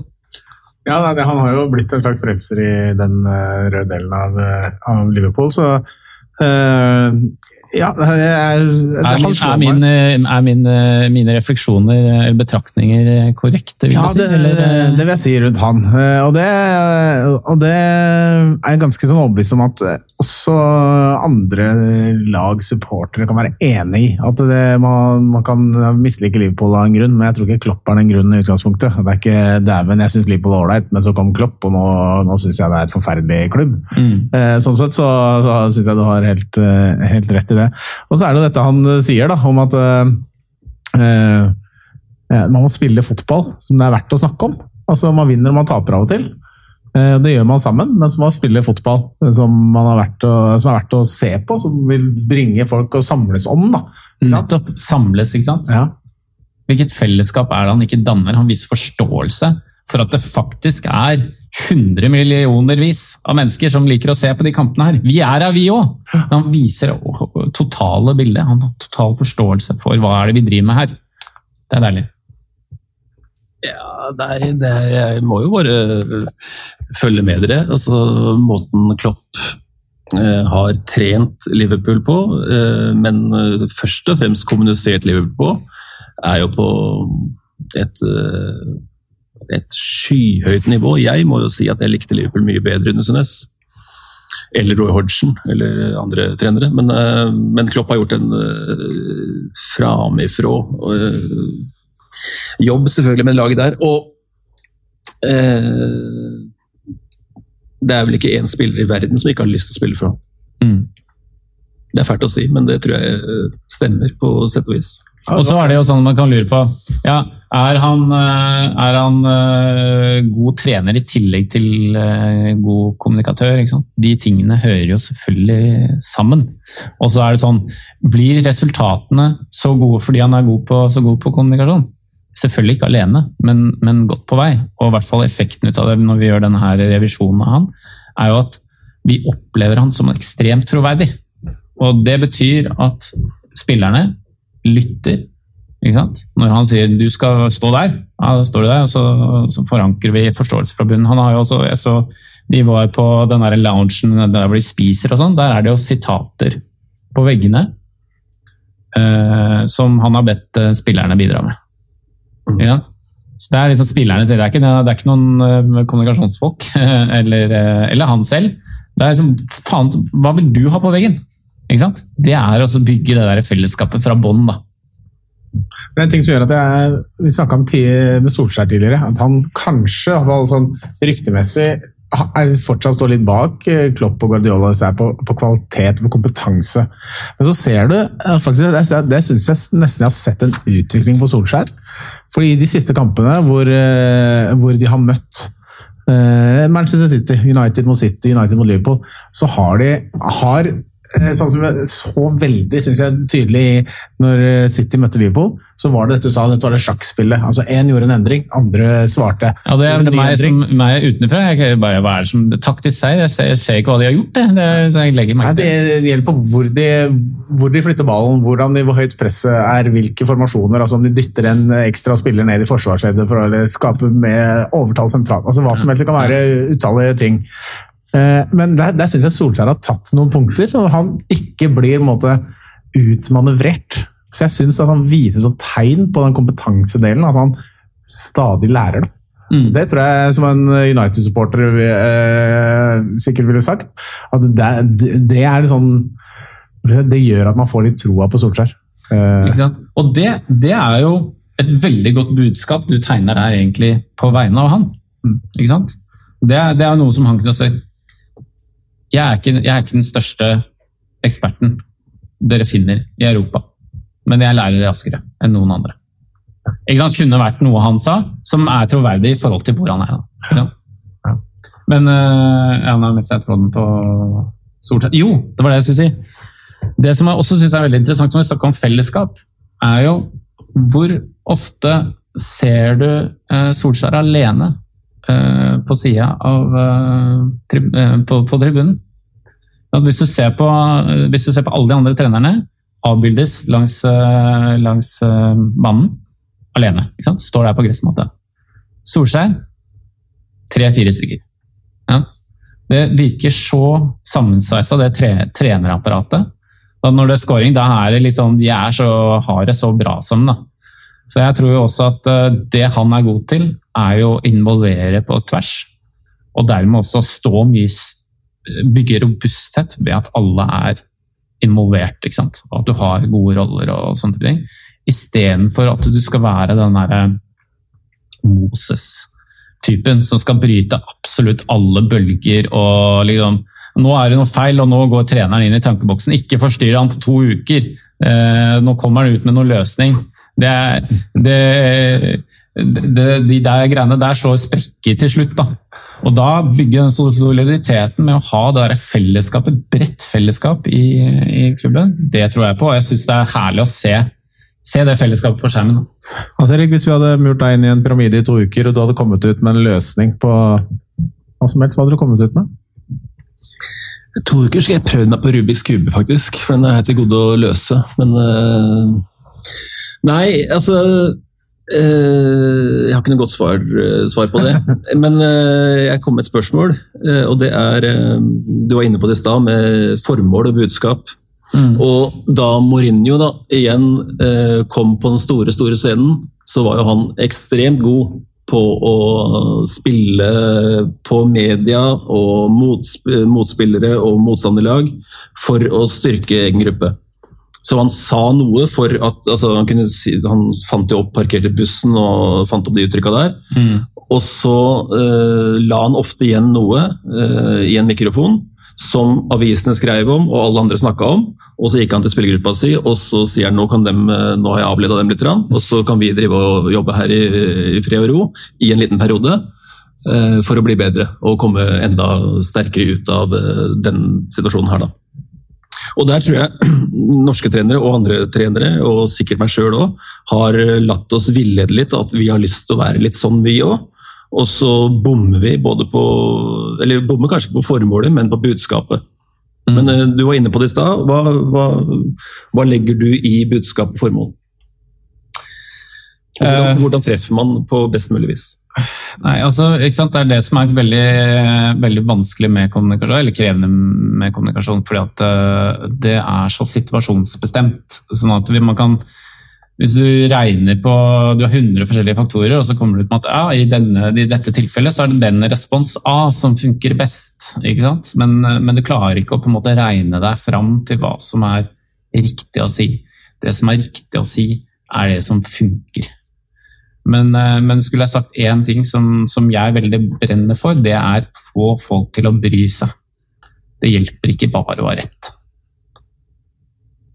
Og, og, med, og, med, det så, så, så, legger jeg at da må du også evne deg å Det hjelper ikke bare å argumentere for hvorfor det er riktig å gjøre det sånn og sånn, og sånn hvis ikke du klarer å få spillergruppa til å, til å bry seg om, om, det dere prøver å skape her. Og da er det sånn, ja, Hvis vi gjør det og det og det, så vil du bli mer verdt, og så, vi, og så kan du kanskje få, gå til en enda bedre klubb eller et eller annet sånt, og få en bedre kontrakt etter hvert. Det er ikke, det er ikke sterk nok drivkraft i seg selv. Så du må liksom knytte deg til hva, hva folk bryr seg om. Sånn som eh, Trump. Da, Han skulle starte opp 70 kullminer i USA hvis han vant valget. For det, det brydde folk seg om. Hadde han noen plan for det? Det er kanskje ikke, men likevel, akkurat i det tidspunktet så var det troverdig, så folk stemte på han. Så, men, men det er eh, veldig ofte at vi det er veldig ofte at refleksen vår er til å snakke om form, ta til orde for formålet. Altså det som er formålet med det vi ønsker å si. Og for en leder i næringslivet så er det jo sånn at de ser på noe tall. Nå ligger vi 0,2 bak. Kan dere gi meg 0,2 til?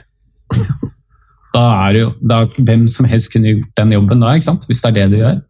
Så du må liksom motstå fristelsen til å søke de enkle svarene som ofte ligger i det du ønsker å oppnå. Som er da Kom igjen, trøkk til nå, eller uh, løp fortere, eller uh, vær mer motiverte. Brenn mer for målet vårt, da vel! Ja. Og der kommer kommunikasjonsøvnene. Hva er det du skal si for å få folk til å gjøre det du ønsker? da?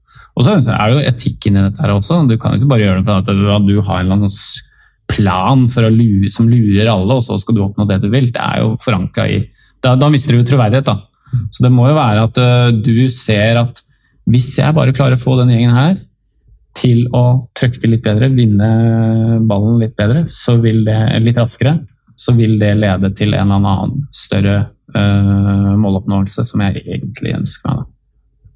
Men, uh, men, du, må gjerne, du må gjerne utfordre meg på, på et konkret uh, tilfelle som du ønsker, altså, hvis, jeg, hvis, det, hvis det trengs. Erik.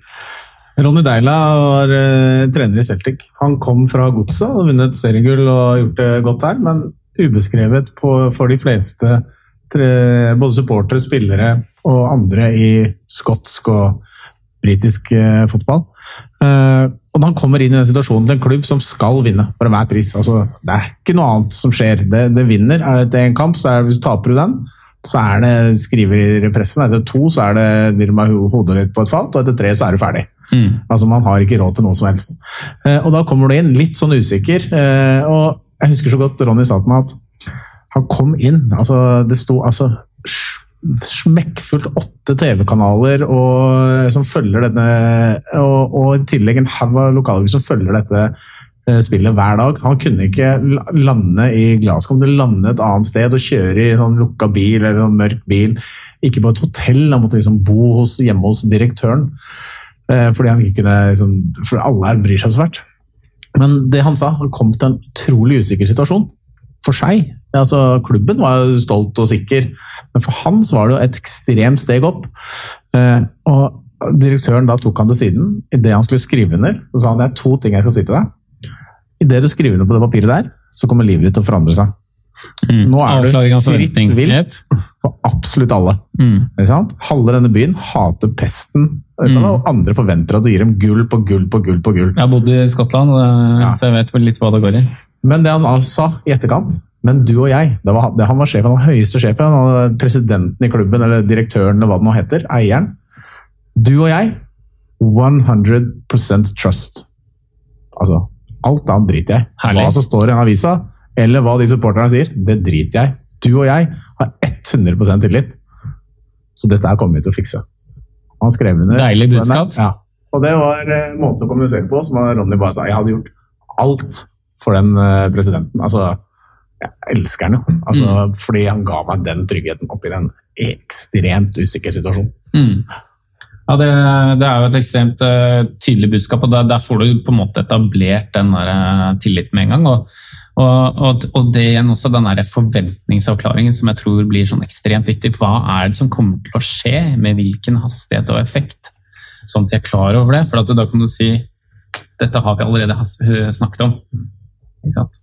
Sånn vil det også være på, med kamper kamp på kamp med spillere også. At de, de ser at, eh, at ja, nå får vi mye pes i mediene for sånn og sånn. og Da, da må vi bare se til. Vi, vi, vet hva som er det store målet vårt. Hans Erik, vi er nødt til å gå inn for landing etter hvert. Eh, vi kunne sitte her og prate flere timer til. vi altså. Det faktisk. Ja, veldig interessant. Vi skal fra din ståsted prøve å oppsummere litt hva du har lært her i dag.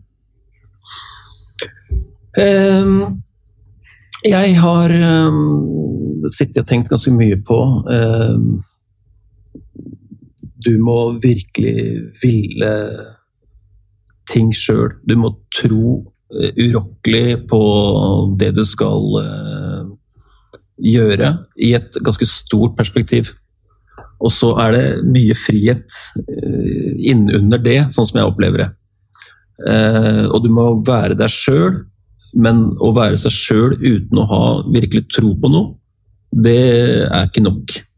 Du må spille sammen på de eh, Du må spille på det registeret der. At du, du er deg sjøl.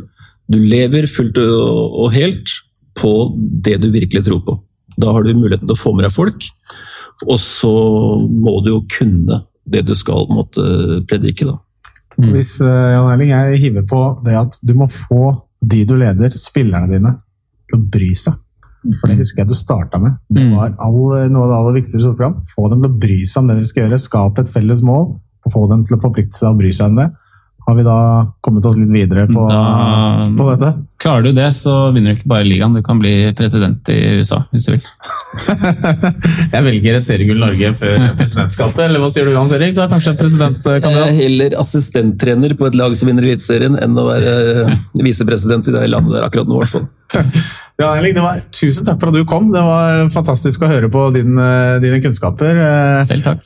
Det var eh, mye å dra med seg i fotballverden. Eh, selv om du ikke det, til det daglige jobber eh, med fotball, så kan det være at det er eh, nå noen klubber og trenere der ute som, som tenker at dæven, han, han der burde jeg prate litt mer med. For veldig Og det tror jeg er viktig, da, Fredrik, før vi avslutter, at det her må øves på. Akkurat som du må øve på kampplaner og, og treningshverdag, så, så handler det om å øve på å kommunisere også. Og da, da er jo det å snakke med sånn som Jan Erling, er jo luksus. Jeg skal øve meg Hyggelig, på Grüner jenter 2010. Eh, De kommer til å få ekstremt god eh, veiledning og kommunikasjon i tiden som eh, kommer. Tusen takk for at du kom. Dette var Fotpolitics. Vi kommer, før du vet ordet av det, tilbake med en ny episode. Ikke sant, Jan? Helt riktig. Takk.